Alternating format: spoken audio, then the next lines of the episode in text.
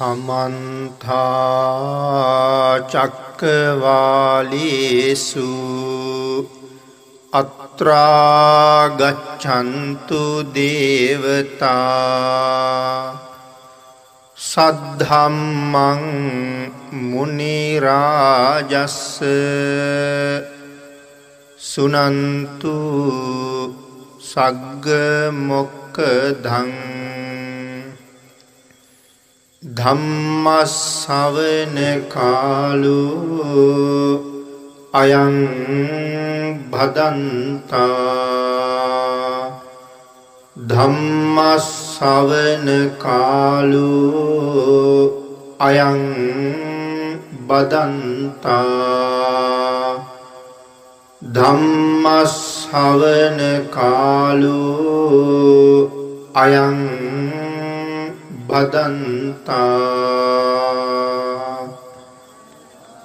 නමෝතස්ස භගවතු අරහතු සබ්බ දම්මේසු අපපටිහත ඥානචාරස්ස දස බලධරස්ස චතුවේ සාරජ්‍ය විසරදස්ස සබ්බ සත්තුත් උත්තමස්ස ධම්මිස්ස රස්ස ධම්මරාජස්ස ධම්මස්සාමිස්ස තථාගතස්ස සබ්බඤුනු සම්මා සම්බුද්දස්ස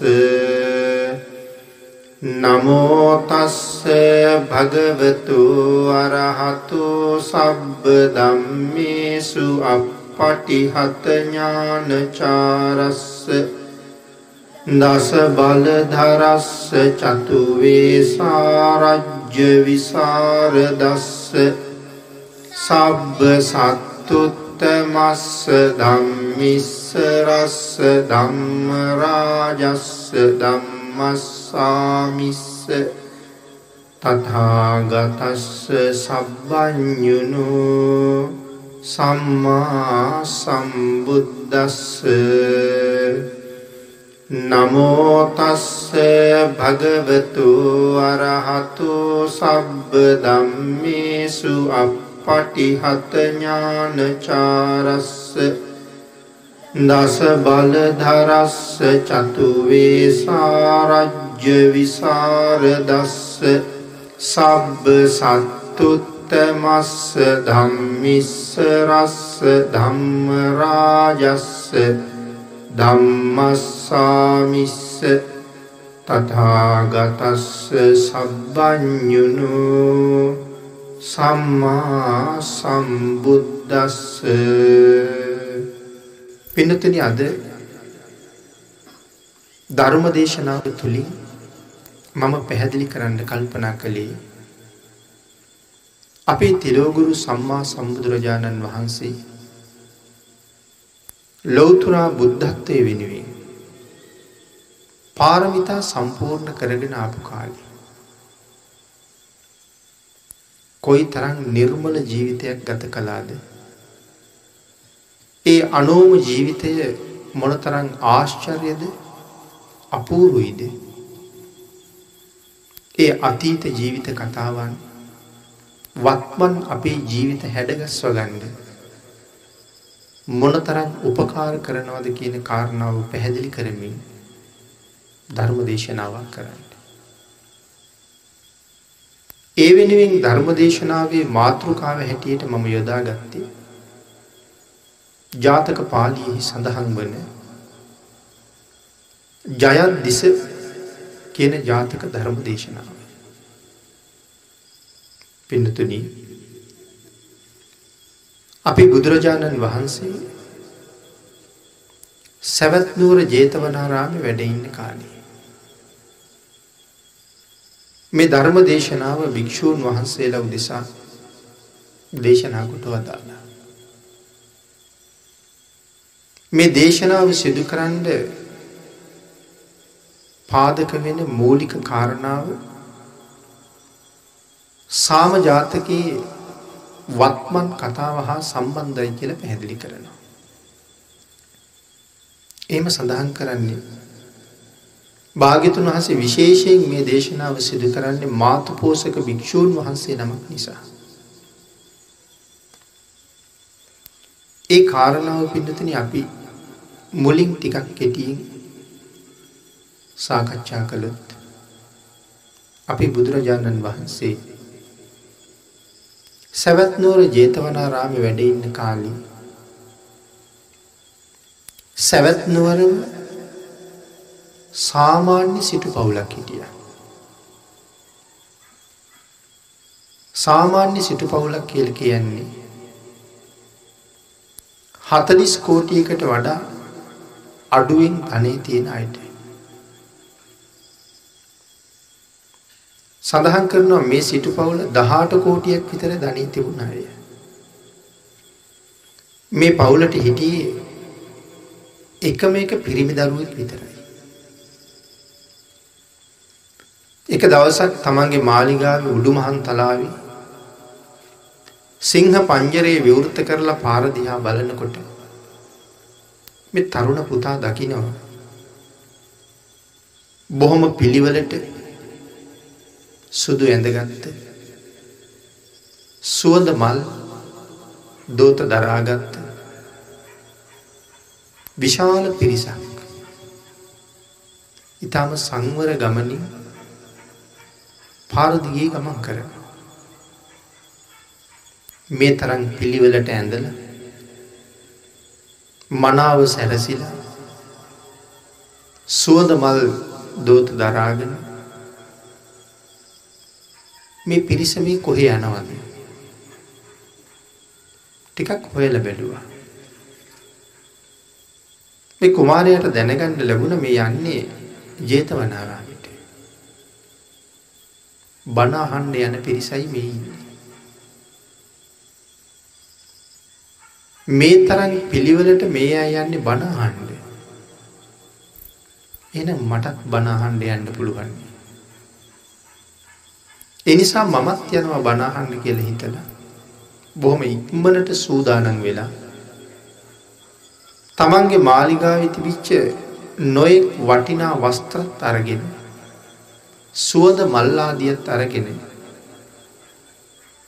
අර පිරිස එක්කම පිටත් වුණ. ජේතවනාරාමිට ගිහිල්ල.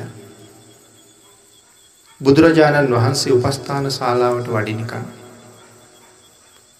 සියලු දෙනාම බලාගෙන ඉන්නවා ධර්ම දේශනාව ශ්‍රවණය කරන්න. නිසි වෙලාවේ භාගිතුන් වහස වැඩම කරලා. එදා ධර්ම දේශනාවෙන් මේ කුමාරයා ලබාගත්ත ආදර්ශය.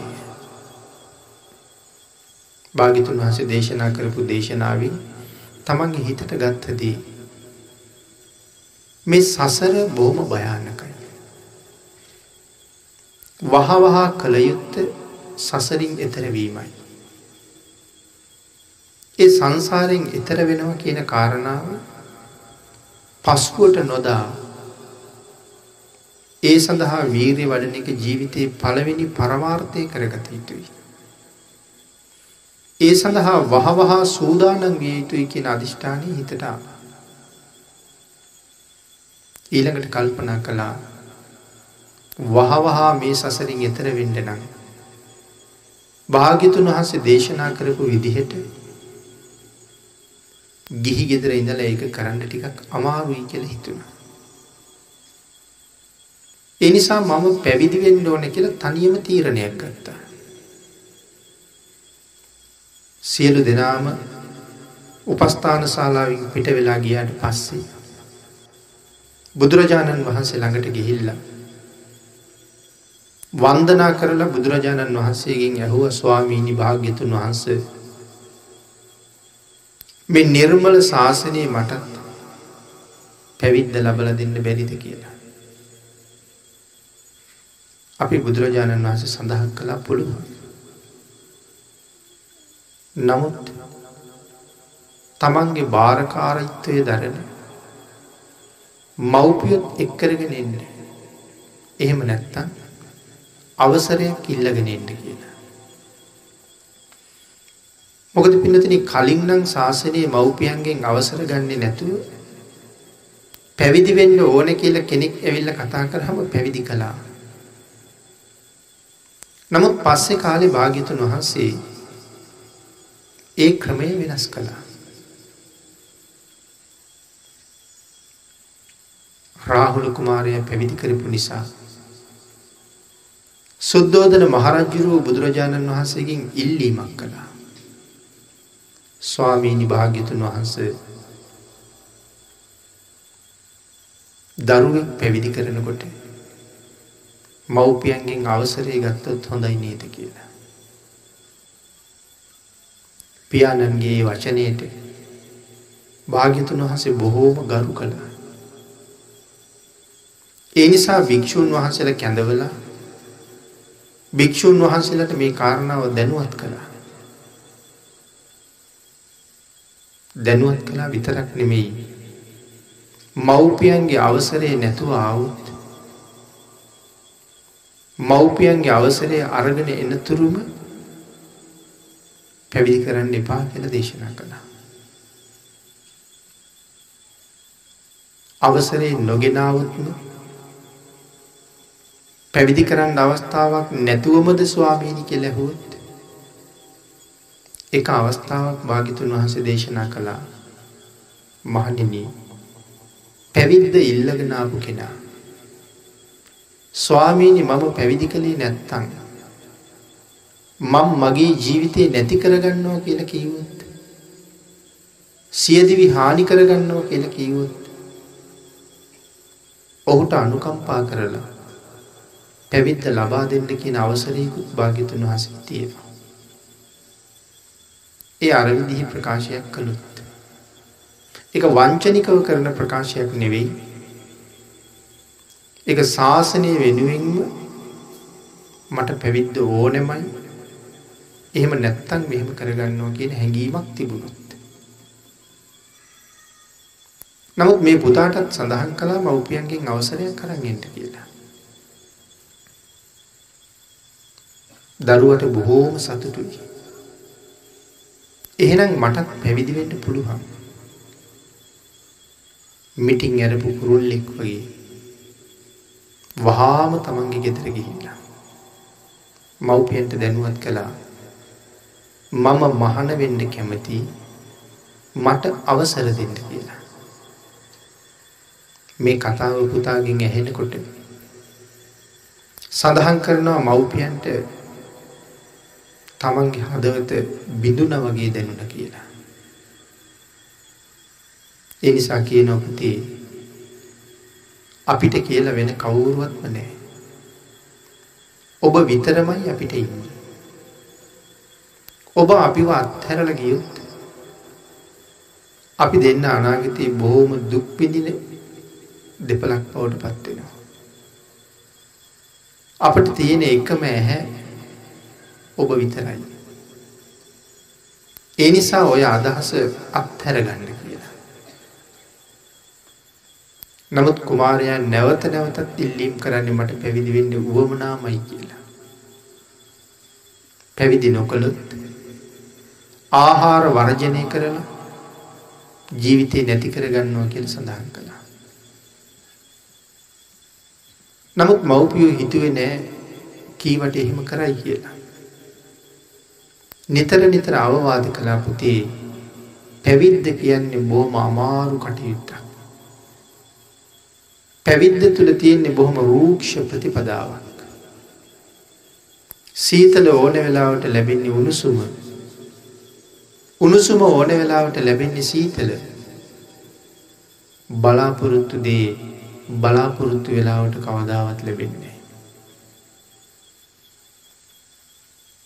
පැවිද්ද හරිම රූක්ෂයි කියල සඳහන් කළා.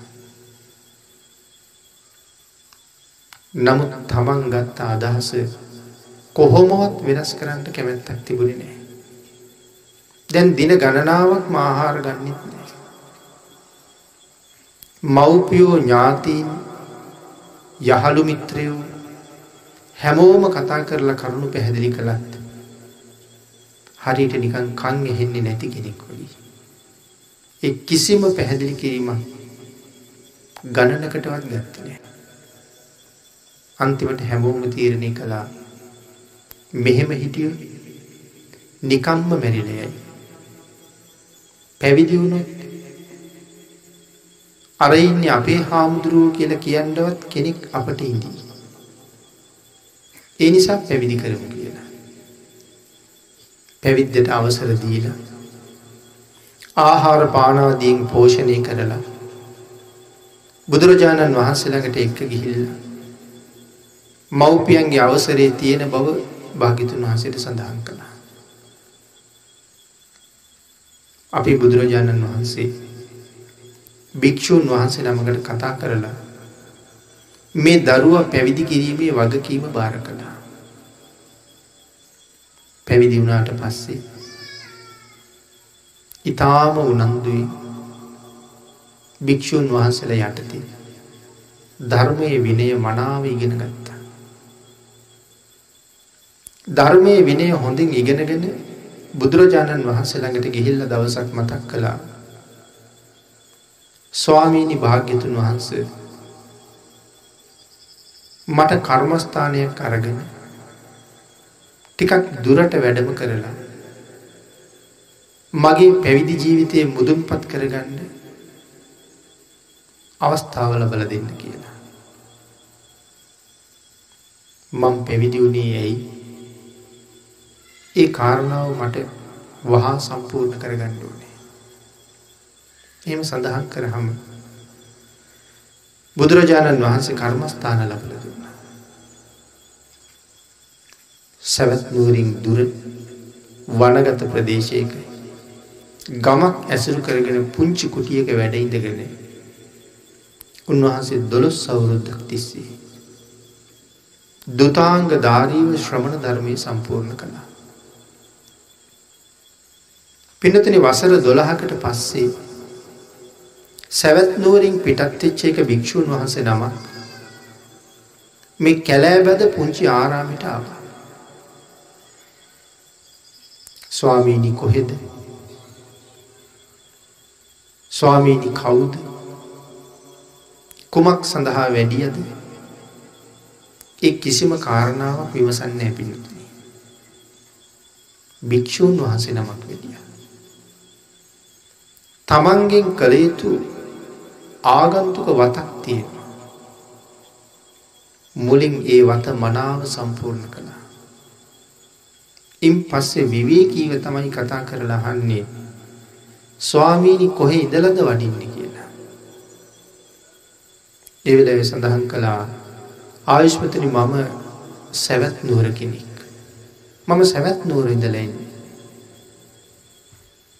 එහෙම කියහම බොහෝම සතුටුයි. හේතුව තමන්ගේ ගමේදල තමයි මේ වැඩම කරලතිය. ජේතවනාරාමින්දල තමයි වැඩම කරලා තියෙන්නේ. භාගිතුන් වහසෙත් වැඩඉන්නේ සැවැත් නුවර නිසා. භාගිතුන් වහස ගැනත් තොරතුරු අහලා. භික්‍ෂු මහා සංගරත්නය ගැනත් තොරතුරු අහලා. ආගිය තොරතුරු බොහොමයක් කතා කරලා. උන්වහන්සකින් අහනවා ස්වාමීණී ඔබ වහන්සේට මතකද සැවැත් නුවර අහවල් වීදී දහට කෝටියක් විතර ධනය තිබුණ සිට පවුලක් හිටිය. ස්වාමීනි දැන් ඒ සිටතුමයි සිටු දේවියයි කොහොමද කියන හවා. ඒ වෙලා වැර භික්‍ෂූන් වහස කියනවා ආයුෂ්මතුනී ඒ ගැනනම් මගින් අහන් දෙපා කියලා. ටික වෙලාවක් නිශ්ශද්දව ඉඳලා නැවත කතා කරලා අහනුව ස්වාමීණී එහෙම කීවි උන්වහන්සේ ඊට පස්සේ කතාව මුලින් දැරකි සඳහන් කළා. ආයුෂ්මතුරි මං එහෙම සඳහන් කළේ ඒ සිටු පවුල දැන් එතන නෑ කියන්නයි. ඇයි ස්වාමීන්ය. ආයුෂ්මතුනි ඒ සිටු පවුල ඉඳලා තියෙනවා එක පුතෙක්. ඒ පුතා මීට අවුරුදු ගණනාවකට කලින් පැවිදි වෙලා තියෙනවා. නමුත් දැන් ඉන්නේ කොහෙද කියන කාරණාවක් ඒ කවුරුවත් දන්නේ නෑ. පැවිදි වෙන්න කලින් මව්පියෝ බොහෝම අකමැත්ත ප්‍රකාශ කරලා තියෙනවා. නමුත් පුතාගේ බලවත් ඉල්ලීම නිසයි පැවිදි කරලා තියෙන්නේ. ඒ නිවසේ තිබිච්ච ධනයට හිමිකම් කියන්න වෙන කෙනෙක් නැති නිසා යම් කෙනෙක් සිටතුමාගෙන් ණයට මුදලක් ඉල්ලගත්තනම් ඒ කවුරුවත් ආපහු ණය දුන්නේ නැහැ. දැසි දස්සොත් තම තමන්ට හිතුන හිතුන විදිහට මාලිගාවේ ධන සම්පත් බඩු බාහිරාදී තම තමන්ගේ ගෙවල් වලට අරන් ගිහිල්ලා අන්තිමට ඒ දෙපළ හොඳටම අසරණ වුණා.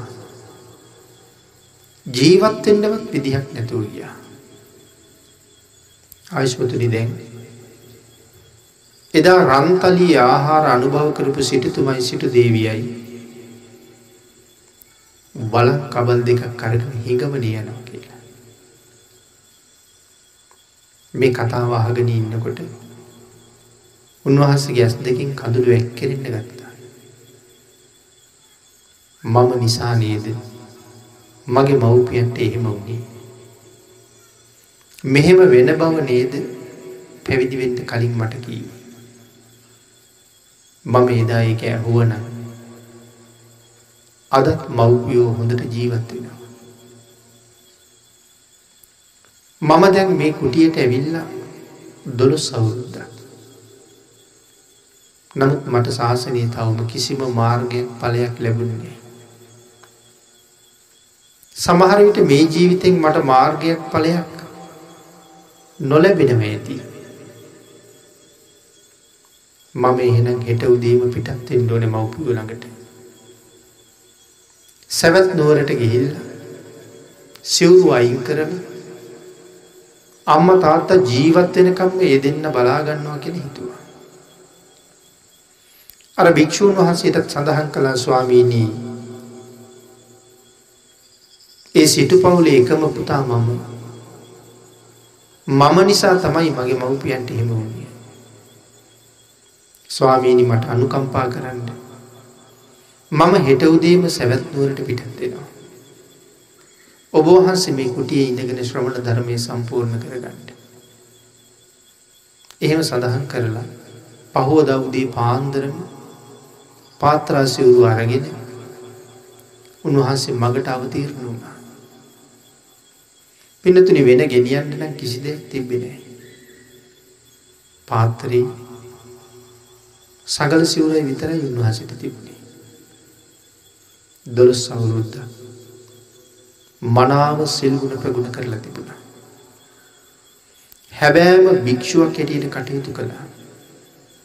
මේ දොළොස් අවුරුද්දම දුතාංග ධාරීව උන්වහන්සේ වැඩ හිටියා. භාග්‍යතුන් වහන්සේ දේශනා කළේ භික්ෂුවක් කුරුල්ලෙක් වගේ විය යුතුයි. මෙතනින් පිටත් වෙලා යන්න යනකොට වෙන ගෙනියන්න දෙයක් නොතිබිය යුතුයි. එහෙම කෙනෙකුට තමයි බොහොම ඉක්මනට නිවනට ලං වෙන්න පුළුවන්. ඒ නිසා අටපිරිකර හොඳටම ඇති කියලා දේශනා කළා. ඒ දේශනාවට අනුවම තමන්ගේ ජීවිතය හදාගත්ත කෙනෙක්. උන්වහන්සේ බොහොම සතුටින්ම පිටත් වෙලා සිවුරු අරින්න හිතාගෙන සැවැත්නුවරට එනවා.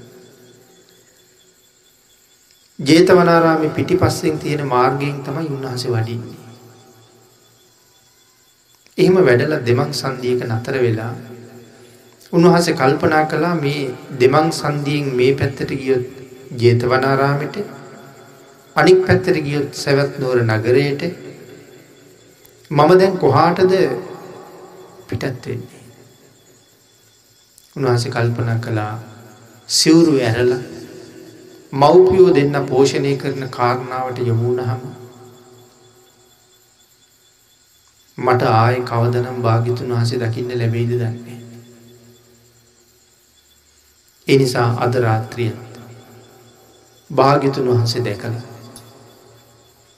වන්දනා කරලා ධර්මශ්‍රවණය කරලා හෙට උදේම පිටත්වෙනවා කියල හිතුවා. එහෙම හිතලා උන්වහන්සේ ජේතවනාරාමයට වැඩියා.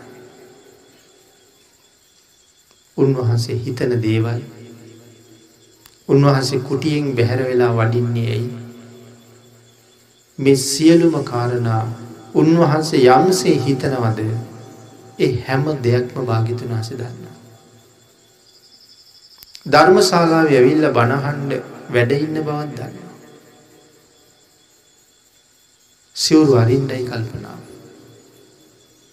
භාගිතුන් හස කල්පනා කළා අද ධර්ම දේශනාවට මව්පිය ගුණය එකතු කරන්න ඕනේ. එදා ධර්ම දේශනාවේ මව්පියෝ පිළිබඳව කරුණු විශාල ප්‍රමාණයක් දේශනා කරලා. මව්පියන්ගේ අගය පැහැදිලි කරලා. පැවිදි වෙච්ච භික්‍ෂුවක් නමුත් අම්ම තාත්තා අත් නොහැරිය යුතුයි කියන කාරණාව දේශනා කළා. එහෙම දේශනා කරලා භාගිතුන් වහසේ නැවත පැහැදිලි කළා පැවිද්දෙකුට පැවිදි ජීවිතය ඉඳලම ගිහිව ඉන්න අම්මයි තාත්තයි පෝෂණය කරන්න මව්පියන්ට උපස්ථාන කරන්න ඒක කිසිම බාධාවක් නෑ මහන්නේ ඒ වචන ටික ඇහෙනකොට මේ තරුණ භික්‍ෂූන් වහන්සේගේ හිත බතුර දාල නිමුව වගේ බොහෝම සහනයකට පත් වුණා. මොද කැමැත්තෙන් නෙමේ සිවුරු අරින්න සූදානන්නේ. මව්පියෝ නිසා. බොහොම සතුටට පත් වනා එහෙනම් මට ශාසනික ජීවිතයෙන් බැහැර නොවීම මගේ මව්පියන් පෝෂණය කරන්න අවසර තියෙනව මේ දේශනාව හැටියට. පහෝදා උදේම මව්පියෝ ළඟට යන්න තීරණය කළා. උදේ එලිවුණාට පස්සේ කල්පනා කළා මම අවුරුදු ගානකින් මව්පියෝ ගාවට යන්නේ. ඒ දෙන්නම දැන් වයෝවෘද්ධයි. අනික ජීවිතේ පවත්වන්න හිගමනය ගිහිල්ලා. එවන් මව්පියෝ ළඟට හිස් අතින් යන එක හොඳ මදි. මම මොනවද අරන් යන්නේ කියලා කල්පනා කළා. පාත්‍රයේ සඟල සිවුරයි විතරයි ළඟ තියෙන්නේ. පිනතුනි උන්වහන්සේට උදේම සලාක බතක් ලැබුණා. දාවිකව අරගෙන ආපු දානෙ කොටසකින් උන්වහන්සේගේ පාත්‍රයටත් දානෙ කොටසක් ලැබුණා. පැවිදි වුණාට පස්සේ උන්වහන්සේ පින්ඩ පාති වඩින්නේ නැතු දානෙ ටිකක් පාත්‍රයට ලබාගත්ත පළවිනි දවස. ඒ නිසා ලැජ්ජාවක් හිතනා. පින්ඩ පාතේ වඩින්නේ නැතුව දානෙ ටිකක් පිළිගන්න. සඳහන් කරනවා ධර්මය නං. ප්‍රථම පාරාජිකාවෙන් පාරාජිකා වුණා වගේ උන්වහසට දැනුම කියලා. මොන තරං ශාසන මාමකව කටයුතු කරන්න ඇත්ත.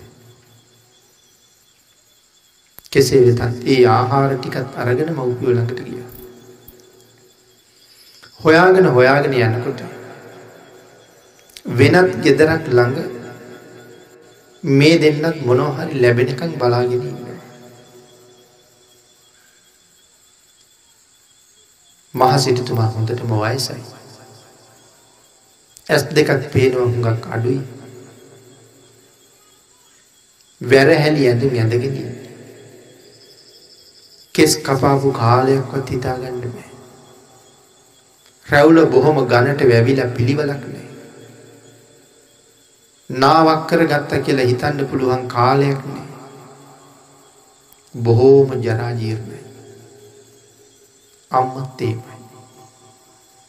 හිතේ ඇති වුණ දුක දරාගන්න බැරි තරයි. ඒත් මේ භික්‍ෂූන් වහන්සේ එතන නතර වෙලා මව්පියෝ දිහා බලාගෙන හිටිය. සිටු දේවිය දැකලා සිටතුමාට කියනවා සිටතුමනී භික්‍ෂූන් වහන්සේ නම පින්ඩ පාති වැඩලා. සිටතුමා කියනවා අපි දෙන්නත් කවුරු හරි මොනව හරි දෙනකම් බලාගෙන ඉන්නේ. අපි උන්වහන්සේට මොනවා දෙන්නද? උන්වහන්සේට ඉස්සරහට වඩින්න කියලා කියන්නේ. සිටු දේවිය ළඟට ගිහිල්ලා කියනවා ස්වාමීනි අපිත් හිඟමනේ යන අය. ඔබ වහන්සේ පරක්කු නොකර ඉස්සරහට වඩින්න කියලා. අඳුරගත්තේ නෑ අම්මා කවුද කියලා. දොළොස් අවුරුද්දකට පස්සේ. නමුත් උන්වහන්සේ වැඩියේ නෑ. නැවතත් නැවතත් ඒ බව උන්වහන්සේට සඳහන් කළා උන්වහන්සේ වඩින්නේ. ආයෙත් සිටුතුමාට ගිහිල්ලා කියනවා ස්වාමීනි ඒ හාමුදුරුව වඩින්නේ නෑනේ කීවට. සිටුතුමා බිම් බලාගෙන ඉඳලා කියනවා ටිකක් විපරම් කරලා බලන්න පුතාවද කියලා. අම්මා තව ටිකක් ලං වෙලා බැලුවා. අම්මා අඳුරගත්ත මේ වෙන කවුරුවත් නෙමෙයි අපේ පුතාමයි කියලා. අම්මට අතීතේ මතක් වුණා. අම්මට වර්තමානයත් මතක් වුණා. අම්මට හුඟා දුක හිතුණා. එතනම බිම වැටිලා අඬන්න පටන් ගත්තා. සිටුතුමත් ඒ කාරණාව දැකලා වලං කටුව පැත්තක දාලා සිටුතුමත් අඬනවා. මව්පියන්ගේ ඇස් වලින් කඩා වැටෙන කඳුළු දැකලා හාමුදුරුවන්ගේ ඇස් දෙකනුත් කඳුළු වැටෙනවා. තුන් දෙනාම සෑහෙන වෙලාවක් ඇඬුවා. උන්වහන්සේට පැවිදි වෙන්න අවසර ඉල්ලනකොට මව්පියෝ කියපු කාරණා බොහොමයක් මතක් වෙන්න ඇති. තමන්ගේ හිත දැඩි කරගෙන හාමුදුරුව අම්මට ඉතාත්තටයි කතා කරලා කියනවා. දැන් අඩන්ඩ කාලිනේ. මම ඔබ දෙපළ වෙනුවෙන්ම තම යාව. අදින් පස්සේ හැමදාම මම ඉන්නවා. එහෙම කියල දෙන්නම නැගිට්ටෝල සුදුසු තැනක වාඩි කරවල පාත්‍රයට ලැබුණ සලාක බත අම්මටයි තාත්තරයි බෙදර දුන්නා. නැවත පිණ්ඩ පාති වැඩලා දහවලටත් ආහාර හොයාගෙන මව්පිය දෙපලට පිළිගෙන. උන්වහන්සේට ලැබෙන අලුත් වස්ත්‍ර තමන්ගේ අම්මටයි තාත්තටයි ඇන්දිව්ව. මව්පියන්ගේ පරණ කඩමලු අයින් කළා. එදා ඉඳල ස්වාමීන් වහන්සේ හැමදාම පින්ඩ පාති වැඩල මව්පියන්ට ආහාර දෙනවා. උන්වහන්සේට ලැබෙන අලුත් වස්ත්‍ර අම්මටයි තාත්තටයි අන්දවනවා. මව්පියන්ගෙන් අයින් කරන පරණ වස්ත්‍ර විවේක වෙලාවට මහලා පණු පෝල උන්වහන්සේ සිවුරු හැටියට පාවිච්චි කරනවා. මෙහෙම කාලයක් ගෙවිල ගියා. හැබැයි ස්වාමීන් වහන්සේ දාන වලඳනවා හුඟක් අඩුයි මේ කාලේ. ඇයි එක පාරක් පින්න පාති වැඩල. ඒ ලැබෙන දානි ටික අම්මට ඉතත්තරයි බෙදල දීල. නැවත පින්න පාති වඩින්න කාලයක් නෑ. මව්පියෝ හැමදාම අනුභව කලාට ස්වාමීන් වහන්සේ වලඳන ප්‍රමාණය හුඟක් කඩුයි. හුඟක් දවස්වලට උන්වහන්සේ ඉන්න කුසගින්නේ. මෙන්න මේ හේතුව නිසා පින්නතුනී. උන්වහන්සේ දවසින් දවස දවසින් දවස කෘෂ වෙන්න ගත්තා. දැම් බොහෝම කෙසගයි ශරීරයේ. එක දවසක් පින්ඩ පාති වඩිනකොට. භික්‍ෂූන් වහන්සල පිරිසක් මගදි මුණගෙහි ලහනවා ආශපතුනි මොකක්ද මේ වෙලා තියෙන්නේ මහනකම ගැන ඇල්මක් නැතුවවද්ද එහෙම නැත්තම් ඔබේ සීලයට හානියක් වුණාද? කිසියම් කලකිරීමක් කනස්සල්ලක් හිතේ තියෙනවද? ඔබ පෙර බොහොම ලස්සන ශරීරයක් තිබුණ කෙනෙක්. ඇයි මෙහෙම වෙලා තියෙන්නේ කියලා? උන්වහන්සේ සඳහන් කළා නෑ ස්වාමීනි පැවිද්ද ගැන කලකිරෙල නෑ. මගේ සීලය ගැන මට අල්ප මාත්‍ර දුකක් නෑ මගේ සිල් සම්පූර්ණයි නමුත් මේ කාලේ මට පලිබෝධයක් තියෙන මොකක්ද කියනවා. ස්වාමීනී මගේ අම්ම තාත්තා කාත් කවුරුවත් නැතුව අසරණයි. මං මේ දවස්වල ලැබෙන දානි ටික ඒ දෙන්නට හිදෙන්නේ. හුඟාක් දවස් මම නිරාහාරව ඉන්නවා. ඒ නිසයි මට මෙහෙම වෙලා තියෙන කියලා. ඒ වෙලාවේ භික්‍ෂූන් වහන්සේලා උන්වහසට චෝදන කළා. දායක පිරිස් ශ්‍රද්ධාවෙන් දෙන සිව් පසේ ගිහි අයට දෙන්න ඔබට ලැජ්ජ නැද්ද කියලවා. ඒ කාරණාවන් ආයෙත් හිත හොඳටම රිදුනා. එතකින් නතර නොවිච්ච ඒ භික්‍ෂූන් වහන්සේලා බුදුරජාණන් වහන්සේටත් මේ කාරණාව මතක් කළා. උන්වහන්සේලා මතක් කරන්න කලින් බුදුරජාණන් වහන්ස පිනතින මේ සිද්ධිය මුල ඉඳලම දකිනවා. නමුත් භාගිතුන් වහසේ පණිවිඩයක් කෙව්වා. මේ පිරිසට හොඳ අවවාදයක් කරන්න හොඳ තැනක් නිසා. මහනිනි ඒ භික්‍ෂුවට මම ආමන්ත්‍රණය කලා කියල කියන්ට. බුදුරජාණන් වහන්සේ තමන්ව කැඳෙව්ව කියල දැනගත්තහම හවස් වරේ බුදුරජාණන් වහන්සේමට ගෙහෙන්න වැඩිය. භාගිතුන් වහන්සේ උපස්ථාන ශාලාවට වඩින වෙලාව. ඒ වෙලාව පින්නතින හරි ආශ්චර්යමත්. පුදුම ගරු ගාම්බීර් මොහොත. අපි භාගිතුන් වහන්සේ දහවල පිණ්ඩ පාති වැඩල දහවල් දානි වලඳල භික්‍ෂූන් වහන්සේලාට අවවාදයක් කරනවා. එක දෛනිකව හැමදාම කරන අවවාදයක්. එනිසා එකට කැන සුගතෝවාදය කියලා. ඒ අවවාදයෙන් පස්සේ සුගන්ධ කුටියට වැඩල. සිංහ සෙයාවින් ටික වෙලාවක් සැතපිලා භාගිතුන් වහසේ විවීක ගන්න. සැතපෙනවා කිවට මේ නින්ද යනවා නෙමෙයි පිණිතන. කායික විවේකය උදෙසා ටිකක් යහනි සැතපිලායි. ඉන් පස්සේ ධර්ම දේශනා කරන්න සුදුසු කාලය එළඹුණ හම භාගිතුන් වහස දන්නවා. උපස්ථාන ශාලාවත් දැන් දස් ගණන් දස දහස් ගණන් ධර්මශ්‍රවණය කරන්න පිරිස එකතු වෙච්ච බව. එහෙනම් ධර්ම දේශනා කරන්න වඩින්න කාලයයි. අපි භාගිතුන් වහන්සේ භාගිතුන් වහසගේ යහනින් නැගිටලා භාග්‍යතුන් වහන්සේගේ සුගත ජීවරය මනා රතු කියල සඳහන් කරන. මනා රතු කියල කියන්නේ ධර්මය මේ කරුණු පැහැදිලි කරන්නේ රක්තවර්ණ සුගත ජීවරය කියලා නෙමෙයි සුරක්තවර්ණ සුගත ජීවරය කියලා. විශේෂණ පදයක් එකතු කරලා. එකන්නේ සාමාන්‍ය රතු පාටට වඩා තද රතුයි කියන එක. භාගිතුන් වහසක චීවරයේ තද රතු පාටට තමයි තිබෙනතිය.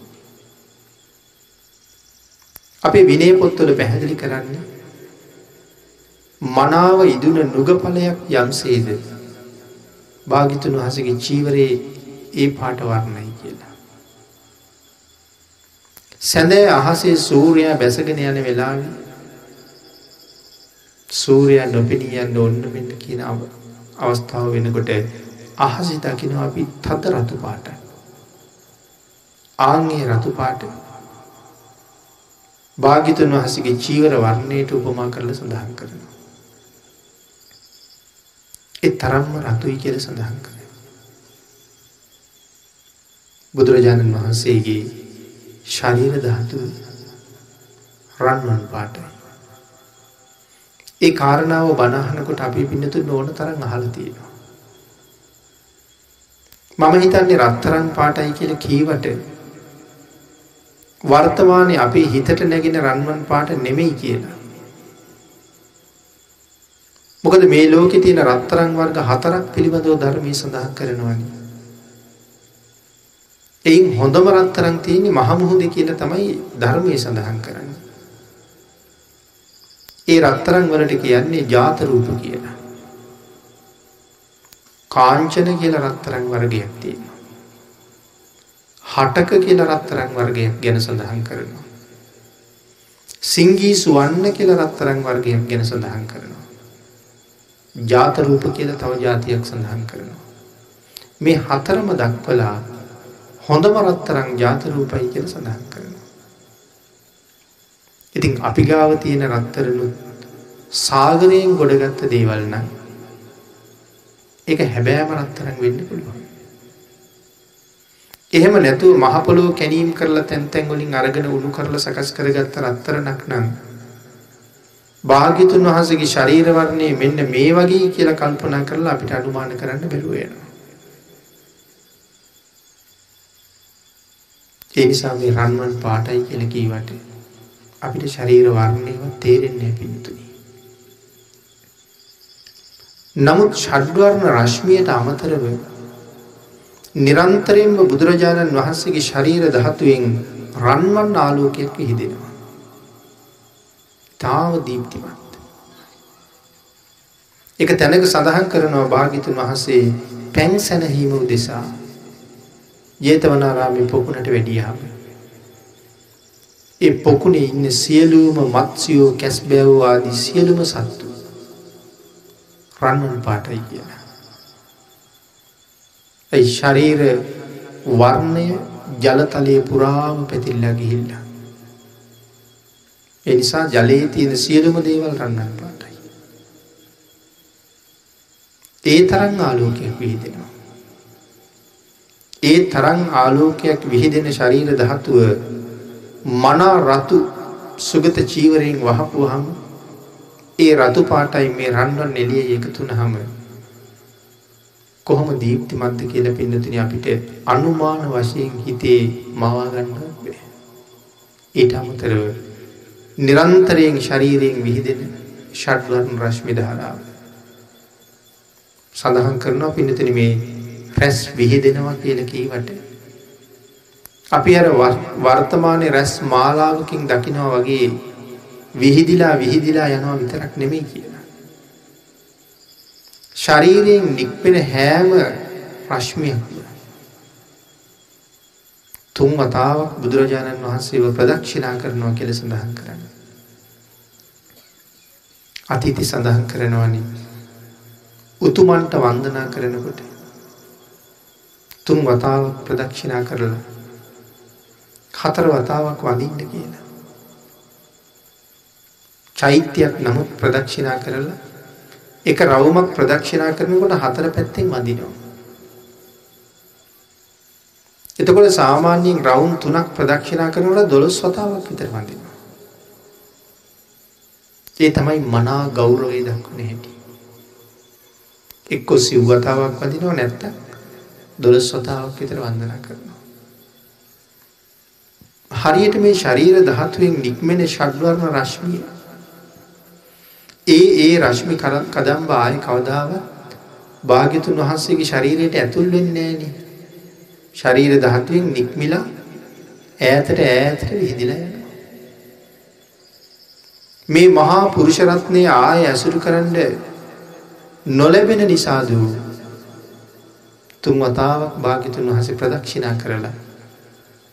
තරුණ තල් කඳන් පොල් කඳන් වගේ ඈතට යන්න යන්න විශාල වෙවී විශාල වෙවී විහිදිලා යනවා කියල සඳහන් කරන්න.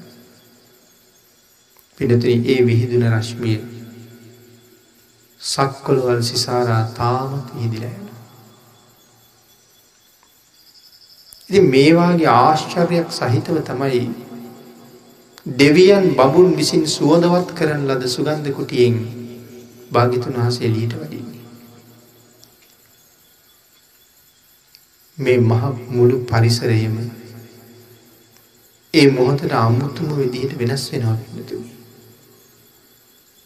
හිත් පිත් නැති පොළොව තලය බුදුරජාණන් වහන්සේගේ සිරිපා ධාතුව පිළිගන්න කවදාවත් රළු බවක් නම් ඉදිරිපත් කළේ නෑ. ඉතාම මෘදු ස්වභාවයක් දක්වලා සිරිපතුල පිළිගත්ත කියල සඳහන් කරන්න. මහපොළුයි කොතනවත් භාග්‍යතුන් වහන්සේ වඩින මග වලක් ගොඩක් තිබුණේ නෑ කියලා සඳහන් කරනවා. පාරේ තියෙන හැම උස්තැනක්ම මිටි වෙනවා. පාරේ තියෙන හැම වලක්ම ගොඩ වෙනවා. උස්තැන් මිටි වෙනවා. මිටිතැන් ඉස්සෙනවා කියල සඳහන් කළේ නිසා. ගහක අත්තක් නමුත් පාරහර හතිබුණොත් පාතින් එක්ක භාගිතුන් වහස වඩිනකොට සම්පූර්ණ පාරම පාත්වෙනවා පොළොවත් එක්ක එහෙම නැත්තං ගහි අත්ත ඉහලට යනවා ගහත් එක්කම නැවත භාගිතුන් වහස වැඩිය හම ඒ සියල්ල යථතත්වයට පත්වෙනවා වලාහක දෙවියෝ සුගන්ධ කුටියෙන් එලියට වඩිනකොට භාගිතුන් වහස වඩින වඩින පැත්තට වලාකුළුවලින් වියම් බඳිනවාගේ හැම පැත්තෙම්ම හිරු රැස් මෝහ කරනවා.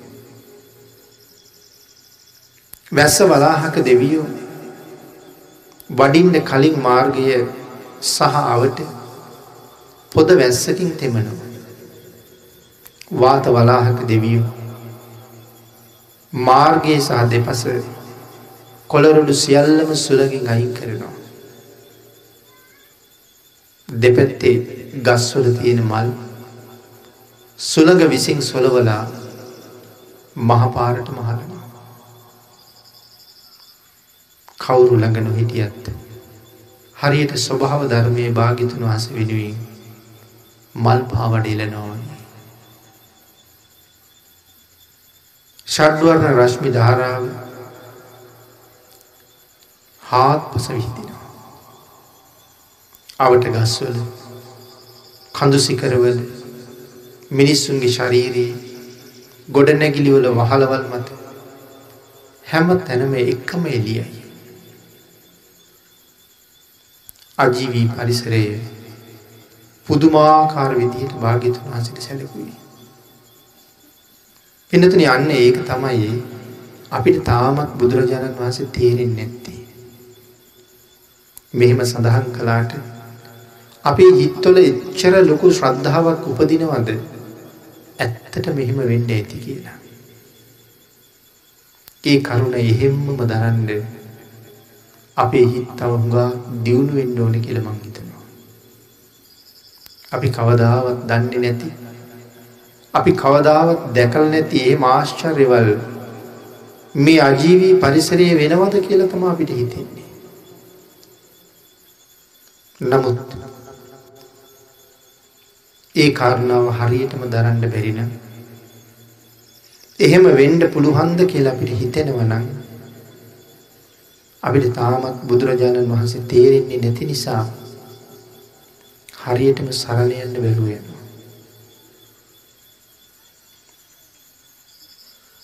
නොපෙන්නාට කෝටි ගණන් දෙවියෝ.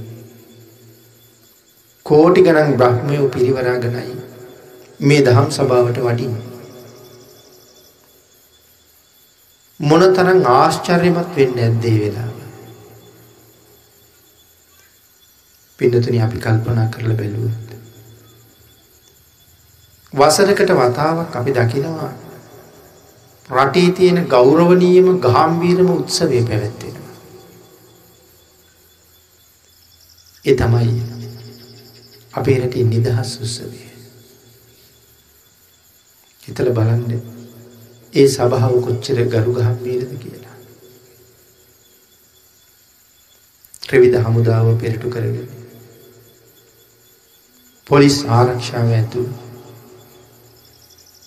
ආරක්ෂක රථ අශ්වාරෝහක ආයුධ ගත්ත සෙබලු පිරිවරාගෙන වටිනා රථවලින් රටේ රජ්ජුරු අගමෙත් ඇමතිවරු මේ සභාවට එනකොට ඒ සභාව කොච්චර ගාම්වීරද රතු පලස්සෙලන ආසන හදල වටේම රැකවල් තියලා. නමුත් පිඩතුනී එවන් ආශ්චර්යමත් එවන් ගරු ගාම්භීර සභාවකට මේ විදිහට එක් කරගෙන ඉන්නේ. රාගයෙන් රත් වෙච්ච, ද්වේෂයෙන් මත් වෙච්ච, මෝහයෙන් මුලා වෙච්ච, අභ්‍යන්තරයේ කෙලෙස් වලින් අපවිත්‍ර වෙච්ච පුතජන මිනිස්සු කෙලෙස් තිබුණ පාටක්වත් නැති මහා කරුණාව නිමක් නැති. දෙවි බඹුන් පවා වඳින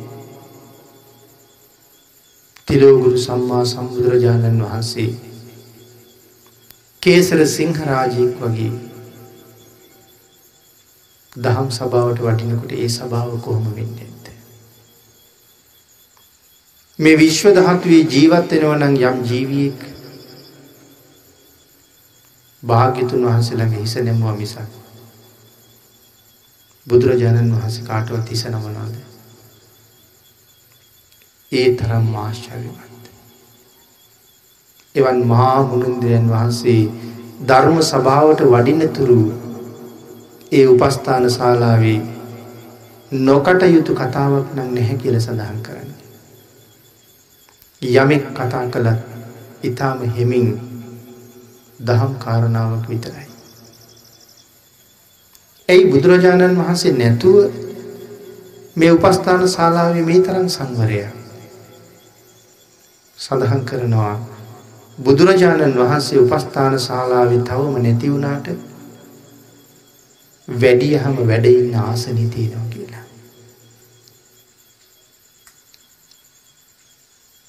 ජීවයක් නැති වියලි ලී දනුවලින් හදාපු බුද්ධාසනය. නමුත් පින්නතුන විශ්ව දහතුවට කල්ප කාලාන්තරයකින් පහළ වෙන මෙවන් ආශ්චර්යමත් මනුෂ්‍ය රතනයක් දරාගන්න මේ ආසනය මොන තරන් ගරු ගම්පීරත. ඒ ආසනයටත් බුදුරජාණන් වහන්සේට වගේම සලකනවා. ඒ තමයි ශ්‍රද්ධාව තිබුණ නිවනට යන්න වුවමනාව තිබුණ හැබැවින්ම සසරින් මිදීම ප්‍රධාන පරමාර්ථය කරගත් අයගේ හැකි. අපිත් සමහර වෙලාවට ධර්මශාලාවට ගියහම් ධර්මශාලාවෙත් වඩා හිඳවලා තියෙනවා බුදු පිළිමය. ධර්මශාලාවේ බුදු පිළිම වහන්සේ වැඩඉන්නේ බුදුරජාණන් වහන්සේ වෙනුවෙන්. එදා උපස්ථාන ශාලාවේ හිටපු පිරිස ඒ ආසනයට එච්චරම ගරු කලා භාගිතුන් වහස වැඩයින් ආසනය නිසා. බුදුරජාණන් වහන්සේගේ අනුරුව යැයි අනුමාන කරලා හදාගත්ත ප්‍රතිමාව අපේ ධර්ම ශාලාවි තිබුණ කියලා. ඒ සංවරය අපි ගාව තියෙනවද කියල හිතුවත්. විහාර මන්දිරයක් තුළ බුදුරජාණන් වහන්සේගේ ප්‍රතිමාව වැඩහිටියට අපි මන්දිරේ හදල තියෙන්නේ අපේ පන්සලේ බුදුරජාණන් වහන්සේගේ කුටිය ඒ තියෙන්නේ. ඒ මන්දිරේ ඇතුළට ඇතුල් වෙනකොට එහෙම ශ්‍රද්ධාවක් අපි ගාව තියෙනවද කියලා හිතලා බැලුවොත් චෛත්‍ය මළුවට බෝ මළුවට යනකොට ඒ විදිහේ ශ්‍රද්ධාවක් අපි ගාව තිබුණද කියලා හිතහම අන්න ඒක තමයි පින්තුනේ නිවන් දැකීම පරමාර්ථය කරගත්ත අයගේ අපේ තියෙන වෙනස. අපේ අඩුපාඩුවක් තියෙන බව හිතන් නැතුව අපි වර්තමාන හිතන්නෙම ධර්මය අඩුපාඩුවක් ඇති කියලා. මේ ධර්මයෙන් එදා පල නෙලා ගත්තට අද පල නෙලන්ඩ බැරිවෙයි කියලා අපි කල්පනා කරන්න. එහෙම කාරණාවක් නෑ වෙනතුයි. මේ ධර්මරත්නය දේශනා කළේ තුන් කාලයටමයි. එදාට අදට අනාගතයට මේ ධර්මරත්නය එක වගේමයි. සමාන ප්‍රතිඵල සහිතයි. නවත් ඒ පලය ලැබෙන්නේ එයින් ප්‍රයෝජන ගන්න හිතපු කෙනාටයි. ධර්මී හැසිරෙන්න්නා ධර්මය විසින් රැකේ කියල කීවොත් රකී කියල කීවොත් එහෙම හිතන අයට ධර්මරත්නයෙන් ලොකු සහනයක් ලැබෙන එකක නෑ. ධර්මය හැසිරෙන්න්නා ධර්මය විසින් අතිශය ඒ කාන්තයම රකිනව කියල හිතන කෙනාට එයින් ලොකු රැකවරණයක් තියෙනවා. වර්තමානය රැකවරණයක් තියෙනවද කියලා අපිට සැකයි. ඒක නිසා තමයි අපි වාක්‍ය කර්ම කාරකයට තියෙන තියෙන්නේ. ධර්මයේ හැසිරෙන්න්න ධර්මය විසින් රැකී කියල කියන්නේ එකයි. රැකෙන මේ අතිශයේ කාන්තයෙන් රකි. ඒ ශ්‍රද්ධාව තියෙන්ටනේ. එදා පිරිස ආසනයට යම්සේ ගරු කලාද අද අපි කරගෙන ඉන්නෙත් ඒකම තමයි. බුදු පිළිම හැම තැනම තියෙනවා. රත්තරං වලින් හදල තියෙනවා. දියමන්ති වලින් හදල තියෙනවා. නිල්මැණික් වලින් හදලා තියෙනවා. මේ කුමන දෙයකින් හැදුවත් ඒ ප්‍රතිමාවේ ඉදිකටු මුණතක තරමක්වත් භාග්‍යතුන් වහන්සේගේ රුවට සමාන නෑ පිණිතුනි. නමුත් අපිට පුළුවන් හැටියට භාග්‍යතුන් වහන්සේ වෙනුවෙන් මේ වගේ කියලා අපි හදාගෙන තියෙනවා. ඒ වුණාට එදා පිරිස ආසනීයට දක්වපු ගෞරවය අපි ගාවේ ප්‍රතිමාවට නෑ කියන කාරණාව අපි හැමෝම දන්නවා. ඒ නිසයි ප්‍රමාදය. සන්දිිට්ටිකෝ අකාලිකෝ එහි පස්සිකෝ කියල දේශනා කළේ. සාන්දෘෂ්ටිකයි අකාලිකයි ප්‍රතිඵලවලට කාලයක් නෑ. ඇවිල්ල බලන්න කියල කිවේ. අනුන්ගේ කරේ තියෙන පළඳනාවක් දිහා බලනවා වගේ මේ ධර්මරත්නය දිහා බලන්න එපා. ඒ පලදනාව අනුන්ගේ නමුත් මේ ධර්මරත්නය අදත් වැඩඉන්නේ ඔබයි මගම සංසාරයෙන් එතර කරන්නමයි. ඒ හැඟීමෙන් ධර්මය තුළට එන්ඩුවන. ගෙදරක පිට පැත්ති ඉඳල බලාගෙන ඉන්න කෙනාට ගේ ඇතුළි තියෙන මුකුත් පේන්නේ. ඇතුළට ආපු කෙනාට තමයි ඇතුළ කොහොමද දකින්න පුළුවන්. එමනම් මේ ධර්මය තුළට එන්නේ නැතුව පිට පැත්තිඳල බැලුවට එක ආශ්චර්ය දකින්න ලැබෙන්නේ. අපි ජීවිතවලට ඒක ප්‍රගුණ කරන්න ඕනේ. ධර්මයේ ජීවිතයට ගල පණ්ඩුවන හැම වෙලා. අපි භාගිතුන් වහසේ ධර්ම සභාවට වැඩම කරන. ඒ භික්‍ෂූන් වහන්සේට ආමන්ත්‍රණය කළා. කතා කරලා අහනවා භික්‍ෂුව හැබැයිද මේ කතාව. ශ්‍රද්ධාවෙන් ශාසනය වෙනුවෙන් දායකයෝ දෙන සිව් පසය ගිහි අය පෝෂණයට යොදාගන්නවා කියල කියන්නේ හැබෑද කියලෙකුවා. උන්වහස දෙපාරක් හිතන්න නැතුව බුදුරජාණන් වහසට පිළිතුරක් දුන්න ස්වාමීනි භාගිතුන් වහන්ස එහෙමයි කියලා. භාගිතුන් වහසට අවශ්‍යයි මේ ඉන්න පිරිසට මනා අනුශාසනාවක් කරන්න. එනිසා අනවා භික්‍ෂූ ඔබෙන් සැලකුම් ලබන ගිහිය කවුද කියලා. ස්වාමීනී එ වෙන කවුරුවත් නෙමේ. මට ජීවිතේ දානය කරපු මගේ අම්ම හිතාත්තයි කියලා. දහම් සභාවම නිශ්ශබ්දයි. ටික වෙලාවකින් දැක්කේ රිදී ගොබ දෙකක් වගේ භාගිතුන් වහසගේ ශ්‍රී හස්ත දහතුන් දෙක එකට එකතු වෙලා එස වෙන බව. තුන් වතාවක් බුදුරජාණන් වහන්සේ සාධකාර පැවැත්තුවා. අම්මටයි තාත්තටයි සලකනවා කියල කියනකොට. මහන ඔබ පෙර මම ගිය මග යන කෙනෙක්. මහන මගේ පෙර ජීවිතයේ ඔය විදිහමයි කියල දේශනා කළ. අන්න ඒ වෙලා තමයි භික්‍ෂූන් වහන්සේලා ආරාධනාවක් කළේ ස්වාමීණි භාගිතුන් වහන්සේ ඒ අතීත කතාව දැනගන්න අපි කැමති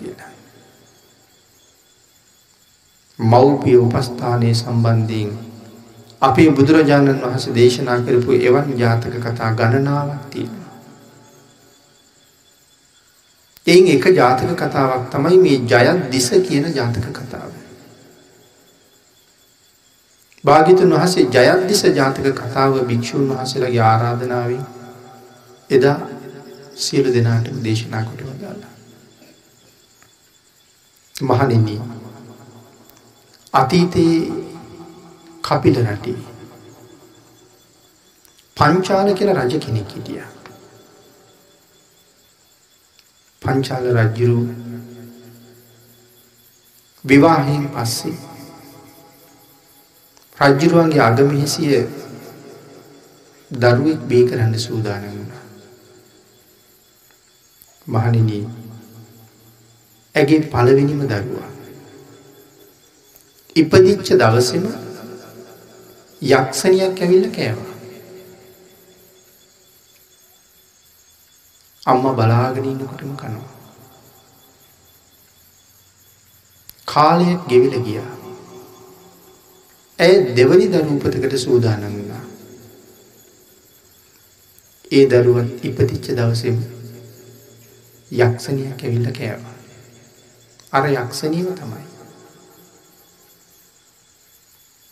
එතට කෞද මේ යක්ෂණී භාගිතුන් හස දේශනා කරනවා මහනිනී. පංචාල රජ්ජිරුවන්ගේ බිසවයි මේ යක්ෂණී දෙන්නම පෙර එකම ස්වාමියාගේ බිරින්දෑවරු දෙන්නෙක්.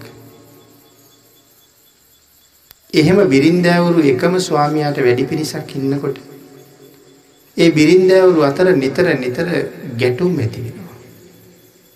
අන්න එවන් ගැටුමක් නිසා එක බිරිඳක් විසින් සාපයක් කළා. ආන්ගේ සාපය විපාක දෙන කාලය වෙල්ලතිය. ඇය දේශ සිතින් යුක්තව මැරෙන. ඒ නිසා යක්ෂණයක් වෙලා ඉපදිනවා.